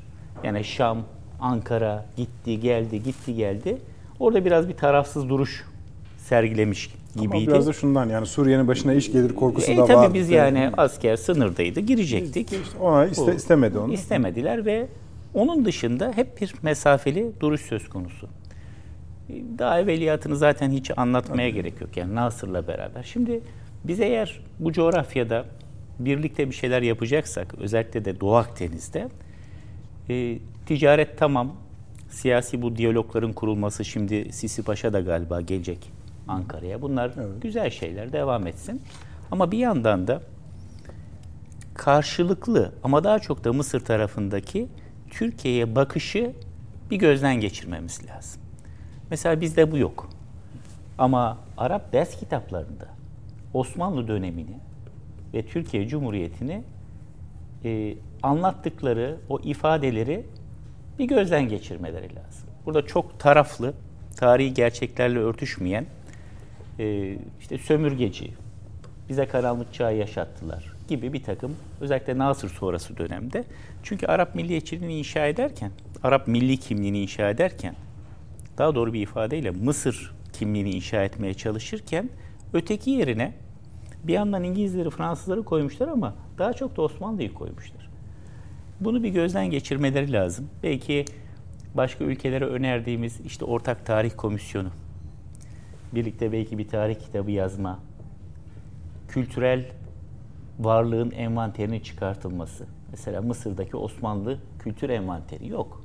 Müsaade etmiyorlar. Bir şey kalmamış hocam. Çünkü ye- yerinde yerler esiyor. ettiler. Yani şöyle diyecekler. Mesela şu otel var ya eskiden bir camiydi. Ha şurada böyle bir AVM var ya bir Osmanlı çeşmesiydi filan gibi herhalde yapacaklar. O yüzden istemiyorlar bunu. Ama bunların ben çok faydalı olacağını düşünüyorum. Çünkü halk nezdinde çok ciddi bir Türkiye sempatisi var. Evet. Ama Yani aslında Türk kamuoyunda da böyle ama işte bir, o hani- entelektüel diyebileceğimiz okumuş kesim özellikle de işte mevcut yönetimin etrafındaki e, karar vericiler ve onların işte münevverleri maalesef böyle bir bakış açısına sahipler. Buradan şeye geleyim Valda'ya. Oraya gelmeyin. Ben Or- bunu o- biraz o- sürdüreceğim. Bununla Çünkü- bağlantılı bir şey söyleyeyim sonra tekrar tamam. ona döneriz. Şimdi kolonyalizm üzerine bir konuşma yapıyorum. Yani sömürgecilik üzerine. Mısırlı diyormuş ki yanındakine ya diyormuş bu konuşan Türk hiç kendi sömürgeciliklerinden bahsetmiyor. Aklıma Mısır'daki. Mısır'daki. Öyle bir Şimdi- şey demiştir yani. Şimdi bizim bahsettiğimiz İngiliz'in, Fransız'ın Kolonyalizmiyle değil mi? Hiçbir uzaktan yakından alakası yok. Yani bunu nasıl söyleyebilirsin? Ancak şöyle olabilir. Senin zihin dünyan daha ilkokuldan itibaren böyle oluştu ise e bunu söylersin. Ama çok bunlar. Yani az sayıda değil. Bunun bir gözden geçirilmesi Bu- lazım. bir hal çıkar, hali çıkarmaya ortaya çalışıyoruz. Şimdi mesela siz gelene kadar bir kısmını da dinleme şansınız olmuş. Avni Bey, Türkiye'nin önündeki döneme ilişkin eksik parçalardan birinin iyileştirilmesi olarak ele aldı ve bunun birleşen diğer parçalarla bir küme oluşturup daha iyi bir sürecin kapısını açtığını söyledi. Süleyman Hocam ikili ilişkilerin toparlanma halini selamladı. Tam kelime bu. Fakat bütün bölgedeki stratejik e, cari sorunların çözümünde her zaman Mısır'ın Türkiye ile uyumlu hareket edemeyebileceğini hocam yanlısınız zaten söyleyebilirsiniz. Güzel. Sizin bu konudaki yani son çıktı açısından görüşünüz ne? Mısır'ın bazı kısıtları var. Bunlar ciddi kısıtlılıklar. İktisadi açıdan başta. Yani biz onu sadece Batı bağımlılığı gibi düşünmeyin. Suudi Arabistan ve Birleşik Arap Emirliği üzerinden ciddi bir bağımlılık var. Yani bizim Türkiye Suudi, Türkiye Baye ilişkileri aslında Mısır'la ilişkilerin gidişatının en önemli etkenlerinden bir tanesi. İkincisi bir Camp David dengesi gerçeği var. Yani Sedat döneminde, Enver Sedat döneminde 79'da Camp David anlaşmaları imzalandığında bir söz verdi Mısır. Amerika'ya bir söz verdi. Amerika da ona bir söz verdi. Buna bir karşılıklı teyitleşme. Sen İsrail'le bu anlaşmayı devam ettir.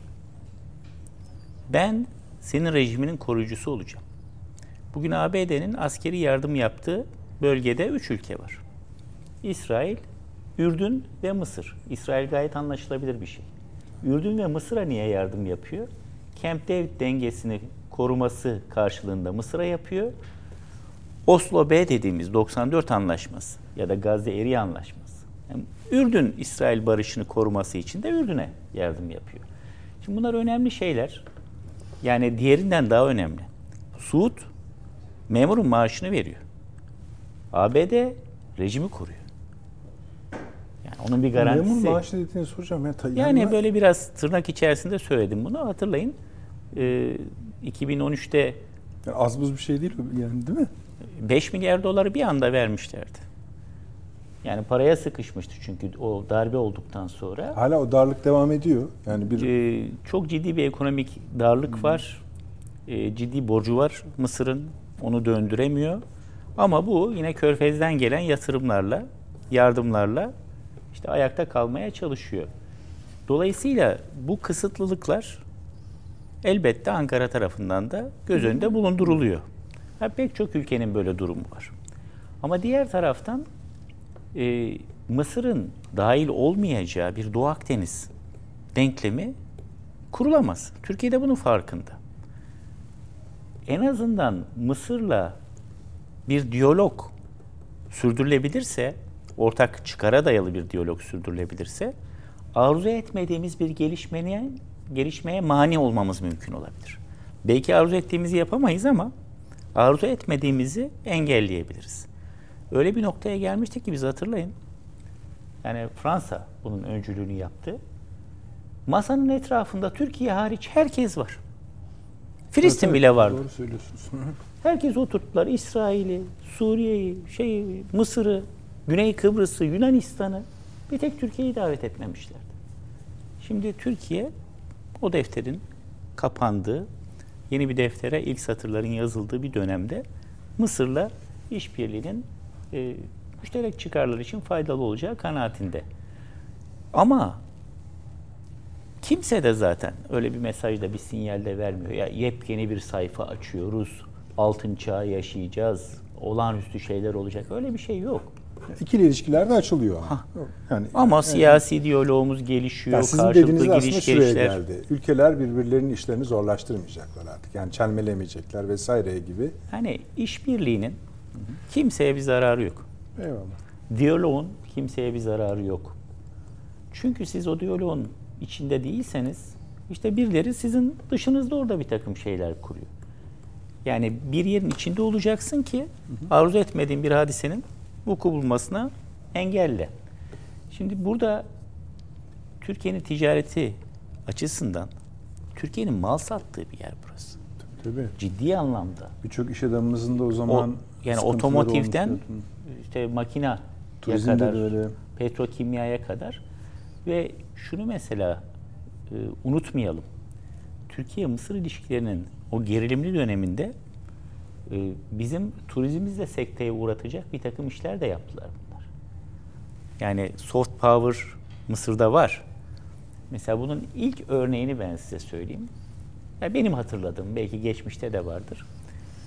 90'lı yıllarda o zaman mübarek iktidarda böyle 6 cilt filan Fransızın birine ikinci Ramses kitabı yazdırdı.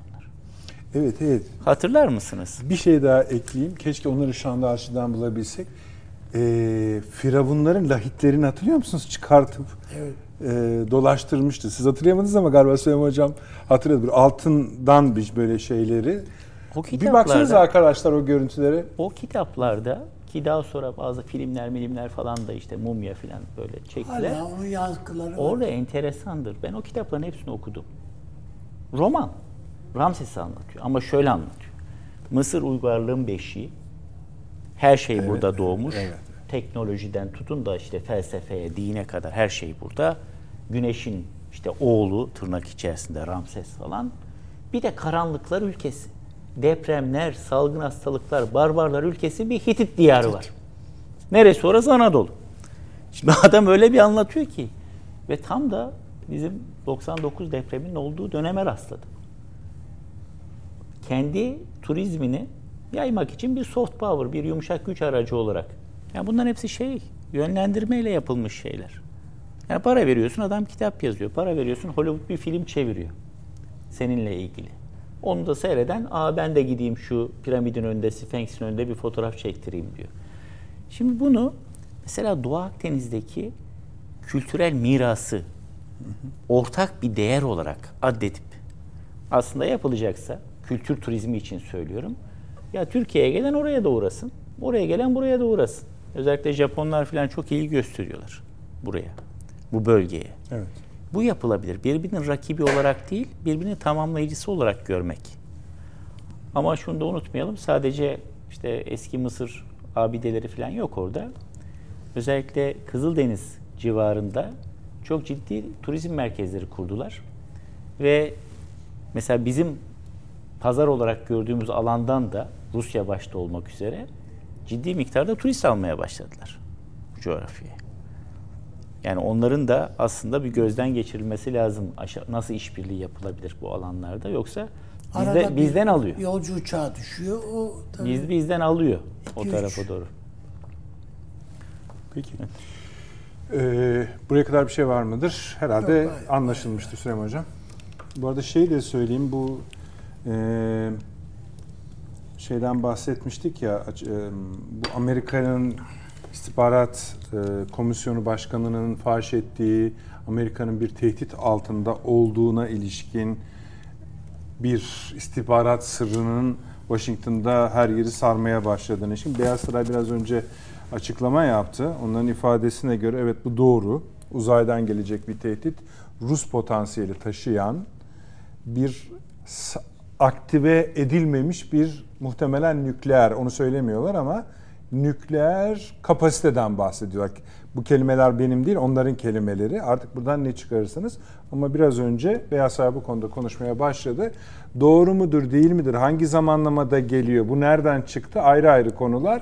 Ama demek ki Rusların da böyle bir şey varmış. Bilmiyoruz. Biraz bana şeyi benzetti. Çağrı Hocam ne dersiniz bilmiyorum. Bu Yıldız Savaşları Soğuk Savaş döneminde üfürülmüştü ya. Vardır yoktur. Şeyini çökertmişti Rusya'nın. E, ekonomisini biz de yetişeceğiz oraya diye. Bu da tersi gibiymiş bir gibi bir durum olabilir belki. Bakalım Ruslar ya, ne diyecek. geçen hafta hı hı. Amerika'da böyle bir şey buldular. Bavul tipi nükleer silah filan gibi böyle bir yani basına açık basına oldu, basına açık yansıdı. Evet. Böyle bir şey hı hı. mümkün mü? Valla e, Soğuk Savaş sonrasında bunlar çok konuşuldu. Yani Rusya'nın nükleer, bunlar filmlere bile konu oldu. Yani orada bir asker, bir subay işte nükleer başlığı satıyor. O da alıyor onu bir yere götürüyor filan bombaya dönüştürüyor. Ama bunların takibi kolay şeyler. Yani, işte ama bu yani uzay meselesi her zaman daha tehlikeli. bir malzemeyi bir yerden bir yere taşımak o kadar kolay değil. Yani bunu çok rahatlıkla şeyi detekte yani edebiliyorlar. Bugüne kadar kurulmuş nükleer silah saldırılarına karşı olan savunma sistemlerinin temel hareket kabiliyetlerini atlıyor. Neden? Hani çıkışta mesela fark ediyor Amerikalılar. Kuzey Kore'yi fark ediyor, Rusları da fark ediyorlar. Ama uzay öyle değil. Yani zaten dönüyor dünya ve bir anda yani neye müdahale Başka edeceğim? Başka bir şey var. Yani işte bu hayır bu siyasi tarafı insanları yani bütün dünyayı şimdi bu Ukrayna savaşı hiç inandırıcı gelmedi insanlara artık kendi Amerika'ya bile yani Amerikan toplumuna bile inandırıcı gelmiyor. Hani eller cebe hani yardım edin Ukrayna'ya filan şeyin hiçbir inandırıcılığı yok. E, korkutmak lazım bu Rusya ile alakalı evet, olarak. ben de biraz bu da öyle aklıma. bir yani Rusların e, uzaya bir tabi her zaman için uzaya bir füze göndermeleri, roket göndermeleri mümkün. Bunun içerisine bir nükleer kapasite eklemeleri de mümkün. Ama ben Rusların böyle bir şeye Şu, bilmiyorum şu sırada ne yaparlar, Sar- ne ederler. şey yap- onu bilemem yani kimse Putin'e de kimse garanti veremez yani. Ama Yok. Yani- Hiç kimseye artık kefil olacak durumda Evet, değil yani. Türkiye. Hiç öyle bir şey yok. Ee, Çağrı Hocam, yediğiniz içtiğiniz sizin olsun da. Lavrov'la ne konuştunuz onu söyleyin. Şimdi tabii Rusya'da e, dış politikanın en önemli konusu Ukrayna Savaşı. Orada özellikle altını çizdiği husus şu. Ne zaman diyor ABD, İngiltere, genel olarak Batı Ukrayna Savaşı ile ilgili bir konu açılsa Kırım'ın ilhakıyla başlıyorlar diyor.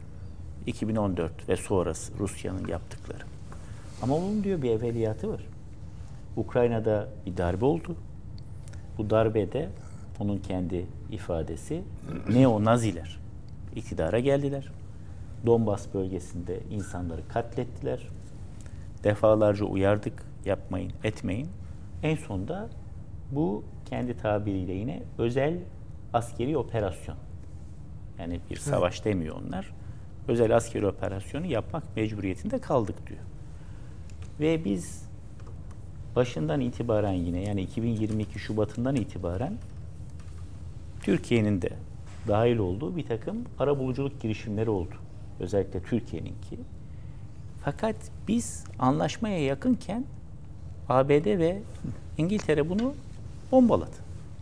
Yani Ukrayna'ya dediler ki siz savaşmaya devam edin. Ama bugün Ukrayna halkı kaybediyor bundan. Ve gelinen noktada da yüzüstü bıraktılar diyor Ukrayna'yı. Ve göreceksiniz diyor bu böyle olacak. Onları yüzüstü bırakacaklar. Ve orada barışın ancak Ukrayna yönetiminin ülkede yaşayan herkesi yani etnik Rusları eşit haklara sahip vatandaşlar olarak tanımasıyla bunun mümkün Şeyi olabileceğini ifade söylüyorlar ediyor. mı e, sevgili hocam? Yani savaş hani herkes bir şey söylüyor da nereye gidiyor yani hani nedir durum? Ona ilişkin bir fikir söylüyorlar Yok mı? yani işte zafer yakın, şöyle olacak, Yani böyle olacak askeri- öyle bir Anladım. ifade Yani. askeri bir şey duymadık. Ama diplomatik alanda e, Rusya'nın özellikle Türkiye'nin girişimleriyle bu tahıl anlaşmasını Ukrayna ile yapması bunun devamı mümkün ama yeter ki ABD ve Batı, diğer batılı ülkeler bunu şey yapmasınlar, sabote etmesinler. Kimsenin de, yani Amerika Yani reddediyor görüşünü. dönüp dolaşıp şuna getiriyor Ruslar. Biz aslında Ukrayna ile değil, Batı ile bir mücadele halindeyiz. Ama Amerika ile ve yani. Avrupa'nın bazı ülkeleriyle. Ve bundan Amerika değil ama pek çok Avrupa ülkesi büyük zarar görüyor. Ve Avrupa halkları da artık kendi hükümetlerine ya biz bundan zarar görmeye başladık. İşte doğalgaz fiyatı, benzin fiyatı, tahıl fiyatı, değil mi? Elektrik fiyatı deyip baskı yapmaya başladılar diyor. Dolayısıyla Avrupa hükümetlerinin de tutumu bu savaşa ilişkin değişecek diyor. Ama işte cephede şöyle oluyor, böyle oluyor. Öyle bir şey duymadık açıkçası. Peki. Ee, bir tur artık yavaş yavaş Avni abi şey yapalım. Ee, Amerikan seçimleri yapalım.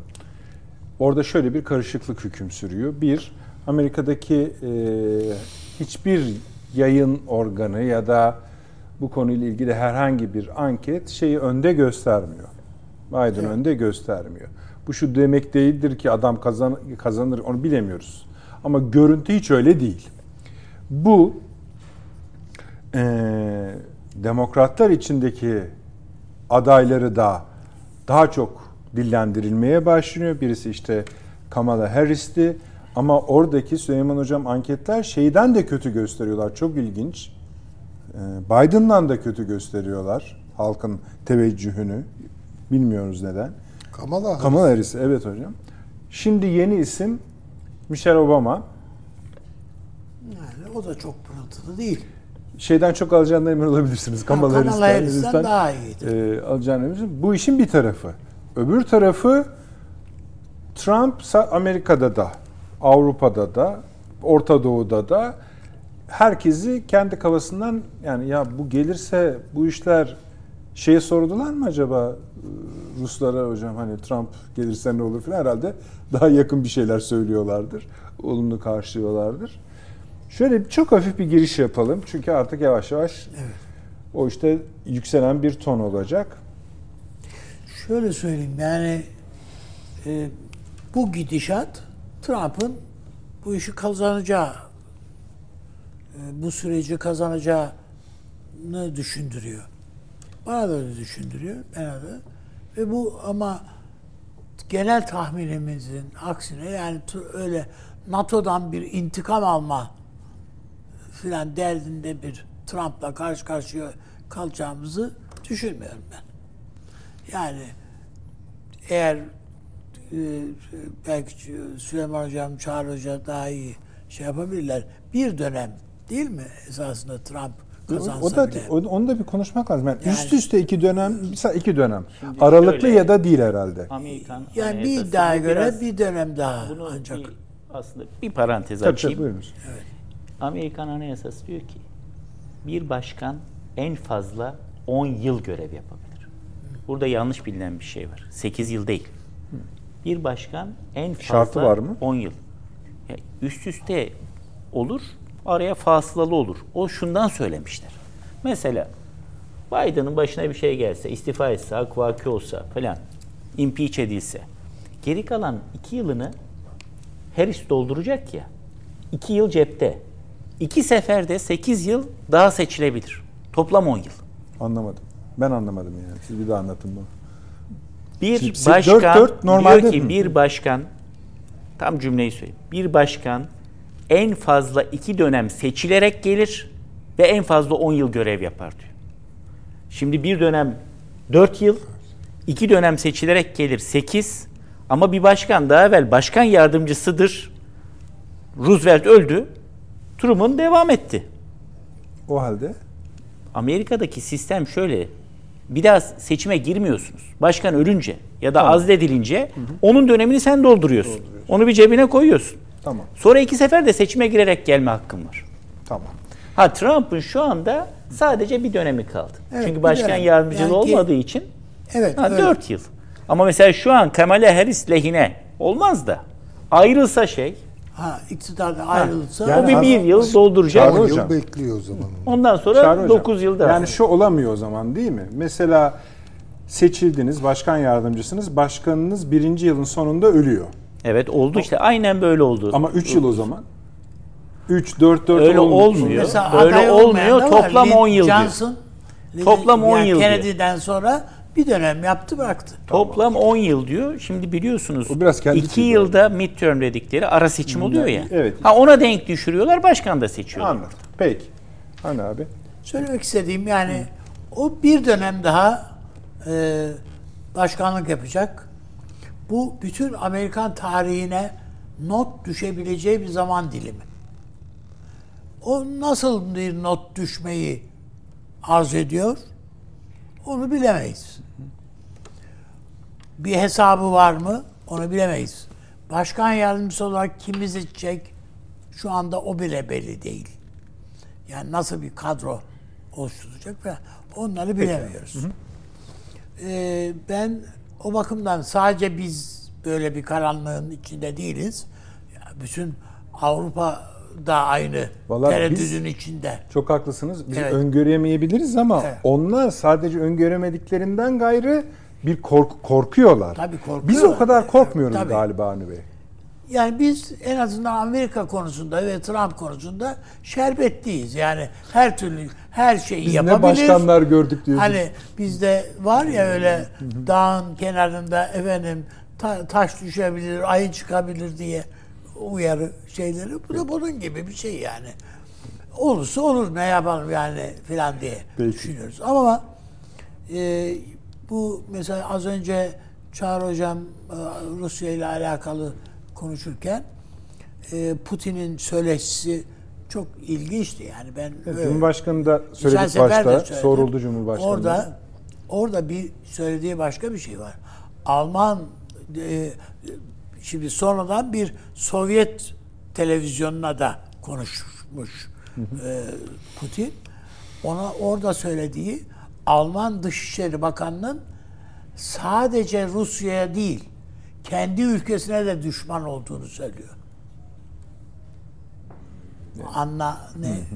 Alman Dışişleri Bakanı. Hanım. Bir Dışişleri Bakanı. Onu diyor ki sadece Rusya'ya düşman değil, kendi ülkesine ve halkına da düşman.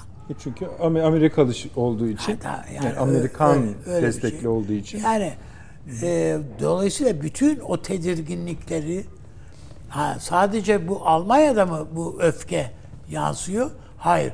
Fransa'da da aynı şey var. Amerika'ya karşı. Yani bu put şeyle de alakalı değil. Yani e, Trump'la da alakalı değil. İster Trump gelsin, ister başkası gelsin. Yani şu anda Biden bile kazanmış olsa Fransa için yolun sonunda neredeyse. Peki abi. Der. O bakımdan ben bir tek şeyi ekleyeyim. Biz ben öteden beri bu Türkiye'nin Suriye politikasıyla alakalı şeylerde hep eleştirerek şey yaptım. Türkiye bu orada oluşturduğu biliyorsunuz bir yapılanma var. Yani Suriye Milli Ordusu yapılanması var. Bir kenarında köşesinde bu Haçlı Şabi yapılanması da var.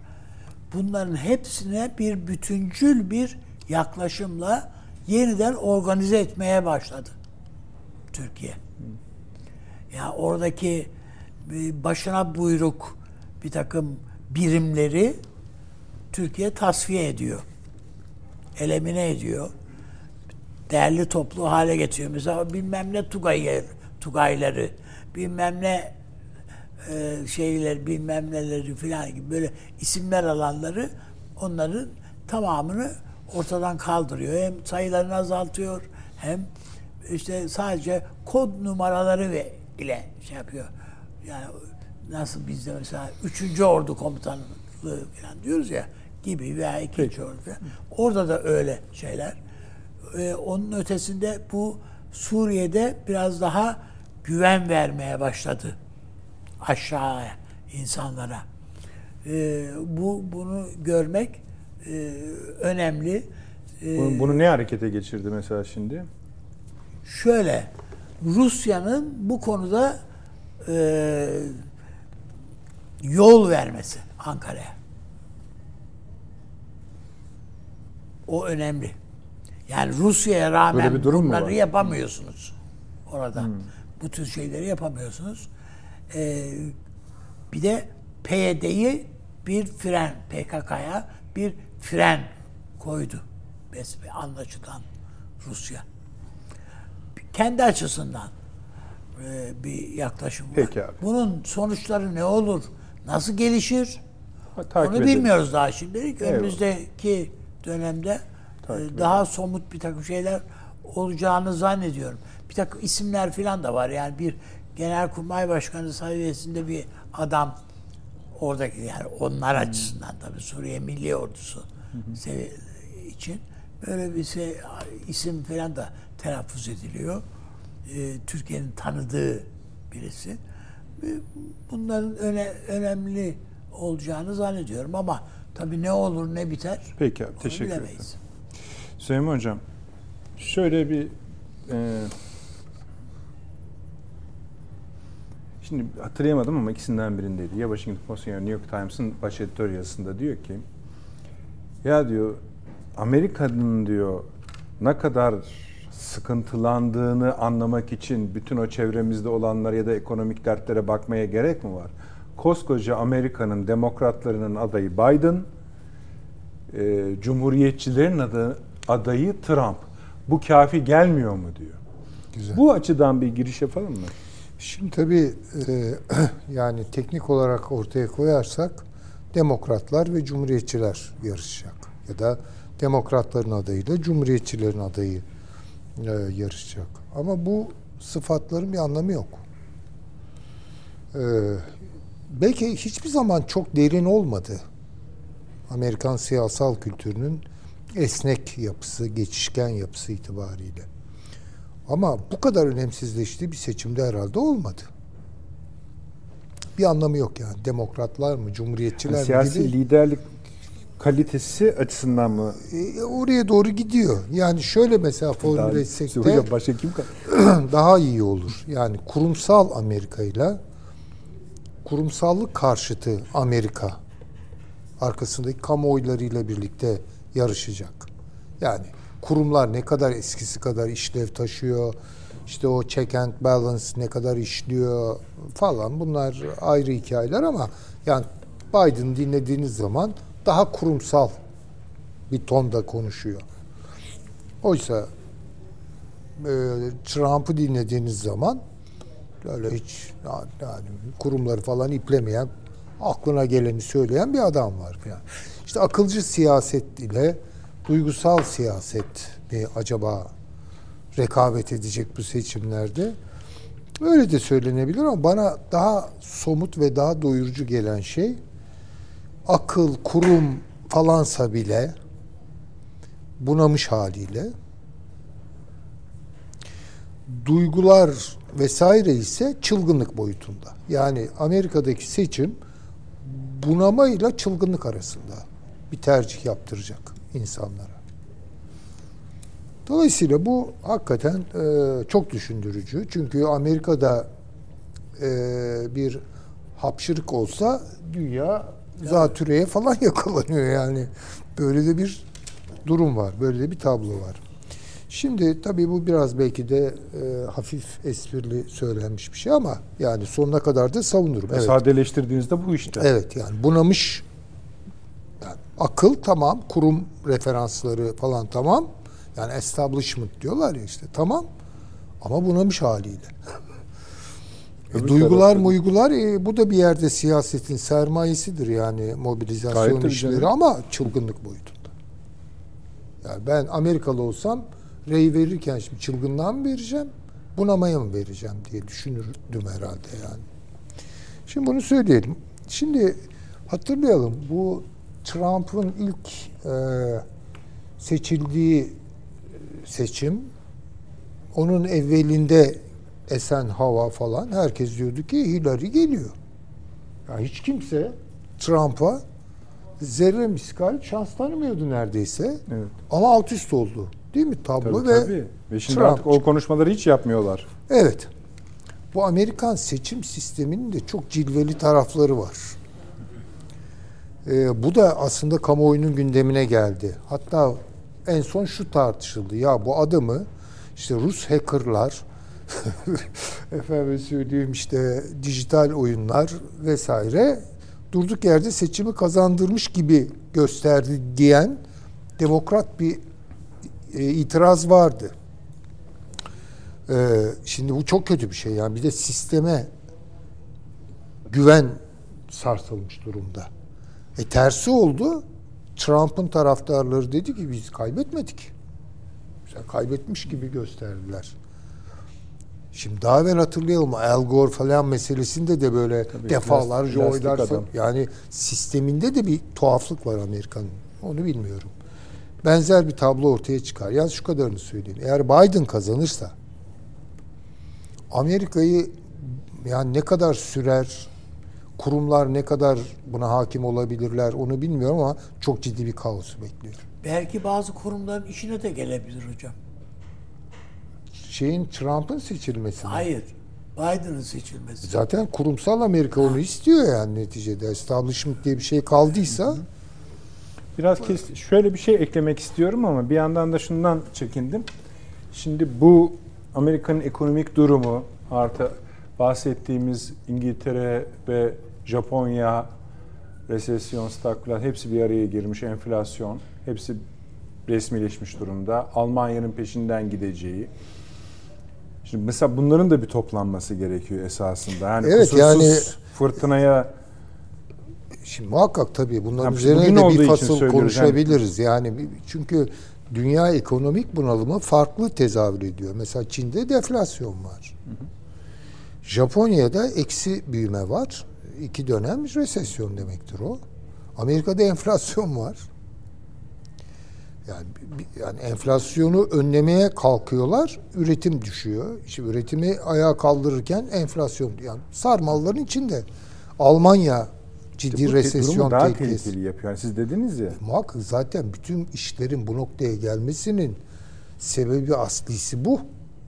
Peki hocam. Yani dünya ekonomik. O zaman Ama şu ekonomik kalemini bir Hasan Hoca salı günü katıldığında beraber bir konuşalım konuşalım mı? inşallah. Tamam. Siz Şimdi ben esas söyleyin. şunu söylemek istiyorum. Onu söyleyip keseyim. Şimdi e, bu seçimi ne belirleyecek? Yani bu seçimde kritik olan şey ne? Kritik olan şey şu. Amerika'da iki kamuoyu var. Ve bu iki kamuoyunu daha bir bakışta ayırabiliriz. Hangisi nereye Kimdir? e, evet. kategorik olarak. Yani şimdi WASP var. Yani beyaz Amerikalılar var. Bunu bir tarafa koyalım. Onun içinde de işte Katolik olup da WASP olmayanlar var. Bir de WASP olanlar var. Bir de non e, WASP yani beyaz Amerikalı Anglo-Sakson olmayan renkli Amerikalılar ve daha renkli bir dünya. İşte kim var? Siyahlar, zenciler var. Kim var? Hispanikler var. Kim var? İşte ne bileyim başka unsurlar bilemem yani. Şimdi ağırlıklı olarak beyaz olmayan kamuoyu demokratları destekliyor. Yani ağırlıklı olarak. Diğeri ise Trump destekliyor. Ama bunları bu kadar kolay net ayıramıyoruz. Trump'ın başarısı siyahlardan aldığı oydu. Hatta hatta Hispaniklerden aldığı. Ya bu adama nasıl veriyorlar? Yani çünkü bunlar göçmen ve yeni göçmen istemeyen Amerikalılar. Yani böyle bir şey var. Veya tersi olarak düşünecek olursak e, demokratlar ne kadar e, WASP'tan oy alıyor. Değil mi? Bunların doğurganlık oranları çok belirleyici. Şimdi WASP, beyaz Amerikalılarda bir nüfus düşüşü var. Diğerlerinde tırmanışı var. Bu mesela ne kadar yansıyacak? Bence bu kritik olan şey Amerika'da budur. Peki. Onu daha çok kesin. konuşacağız hocam ama özellikle kimlerle kimler seçilme giriyor konuşması yapmak istedim. Can Hocam bilmiyorum siz şeyde olduğunuz için bir kısmı hava, havadaydınız bir kısmında toplantıdaydınız. Bu Japonya'yla Evet, resesyon. duydunuz değil mi? Tabii tabii. Yani Almanya üçüncülüğe çıktı. şimdi Japonya mesela Bloomberg'de filan bazı analizler var Avni abi. Diyorlar ki bundan bu bu şeyin birinci basamağı. Ya ilk defa Japonya'da seçim yolsuzluğu. Ka- kadın oy satın almış bir milletvekili. O bak ne tecrübeler geldi. Bu Ya işte Japonya'da böyle bir şey olacağı Doğru hiç tahmin edilmiyor da 2 milyon dolar harcamış. Şimdi bir siyasi Japon bir hanım 2 milyon doları oy satın almak için. Bizim zamanımızda kendilerini bıçaklarlardı diyorsunuz yani. Ya yardımcısı yani danışmanı diyelim yardımcısı o itiraf ediyor ve kanıma dokunuyor ben daha fazla dayanamıyorum diyeceğim. Az deyip, vermiş demek ki. Evet şey yapmış. Buyurun hocam. Şimdi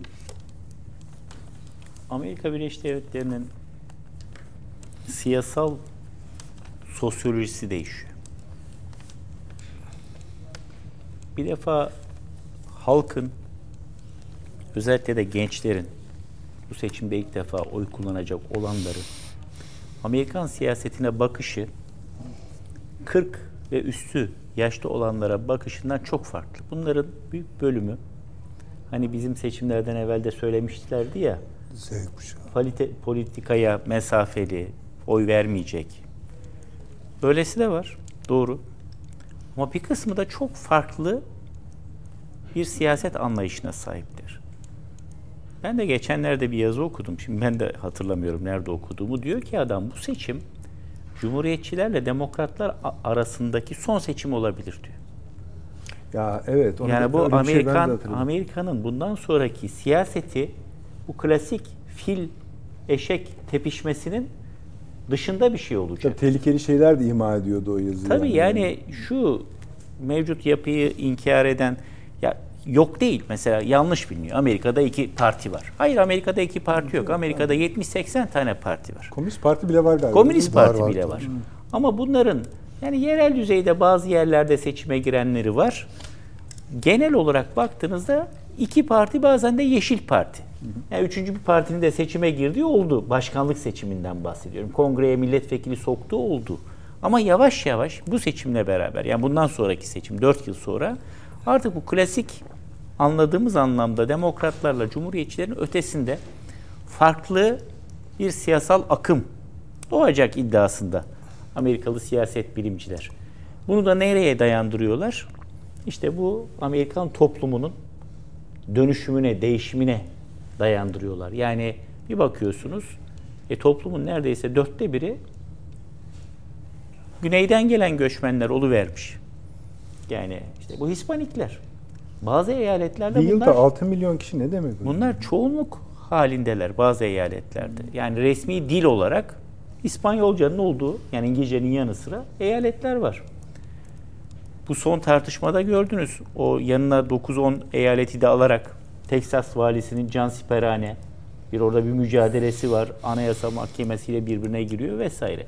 Şimdi burada bunu bir tespit olarak koyalım. Yani 4 sene sonra 2028 seçimleri konuşulurken muhtemelen o zamanki adaylar, o zamanki adayların söylemleri, hatta siyasal partiler bugünkünden farklı olabilir. Ben işte Böyle bir kırılma, bir çatlama, yavaş Ama yavaş şunu söylüyorsun ortaya çıkıyor. yani bir doğum sancısı var sanki. Var. Yani, yani bir Var. hani bir ağrı var yani. İkincisi şu. Ya yeni bir dünya kuruluyor. İşte yani evet. En çok da o çekiyor demek ki. Yeni bir dünya kuruluyor. Ee, BRICS diye bir realite var.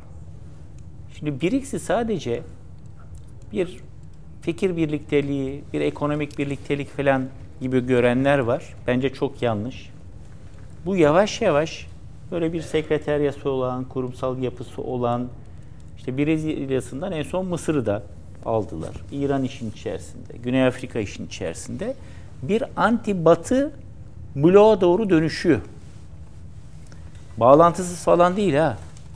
Yani bağlantısızlar hareketi gibi Değil. ikisinin arasında. Hayır. Antitezi olarak ortaya çıkıyor. E şimdi böyle bir oluşum böyle var. Hindistan gibi bir garantisi var. Orada da Batı'nın. bir Truva atı var. Orada. Truva atı diyelim ona. Bir Truva atı sokmuşlar oraya. Şimdi bu oluşum var. Amerika'nın içerisinde bir dönüşüm var. Karşınızda da gelecek dönemi düşünün. İster Biden, ister Trump. Ya rakiplerinizin başında da çok ciddi, tecrübeli, karizmatik liderler var. Yani Rusya'nın başın, başında Putin. Türkiye'nin. Önümüzdeki hafta onlarda da seçim var değil mi Rusya'da? Evet evet. En yakın rakibine anketlere göre %50 fark atmış.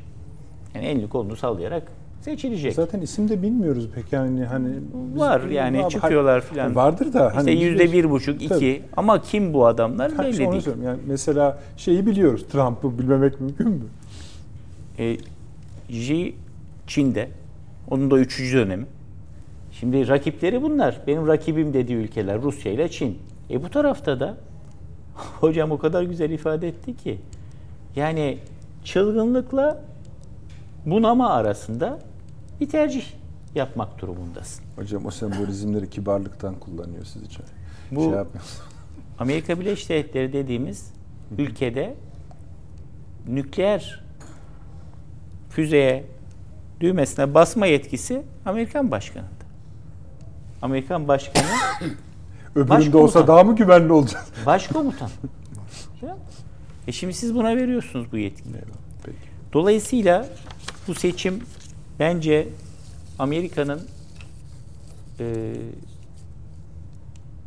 son küresel liderlik seçimi olacak. Hegemonyaya veda diyorsunuz yani. Yani bu artık Zaten bu defterin giriş olsun bu. Daha bu defterin herhalde e, kapandığı bir seçim olacak. Bir anlamda da demek ki iyi tarafı da var. Son son bir şey daha söyleyeyim. Lütfen hocam. E, şimdi Trump'ın seçimi kazanırken Hillary'ye karşı yanına aldığı, hocam baskılardan bahsetti. Çok da güçlü bir grup orada evangelistler. Evangelistlerin temsilcisi olarak Mark Pierce almıştı biliyorsunuz. Başkan yardımcısı. Şimdi onu terk etti. Evangelistler aşağı yukarı Amerika'da yüzde 55-60'ını oluşturuyor nüfusun ama şöyle bir özellikleri var. Topluca seçime giden bir kitle.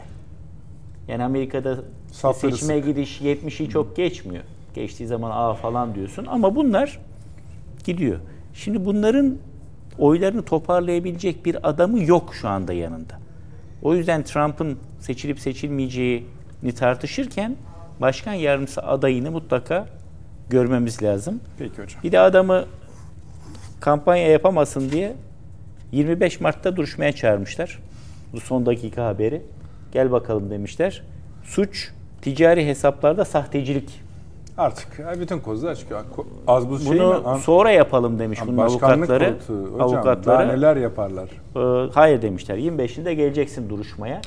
Böylece bakalım da başkan adayı da olamadı ama Heyecanlı Göreceğiz. konuların bir kısmı kaldı efendim. Şimdi bir reklama gidiyoruz. Dönüşte veda edeceğiz. Evet Hani Bey çok çok teşekkür ediyorum. Sağ olunuz. Süleyman Hocam ağzınıza sağlık. Sizin hem ağzınıza hem ayağınıza sağlık öyle söyleyelim. Efendim salı günü aynı saatte, kendi saatimizde, kendi günümüzde, kendi kanalımızda. İnşallah yine birlikte olacağız. İyi geceler diliyorum.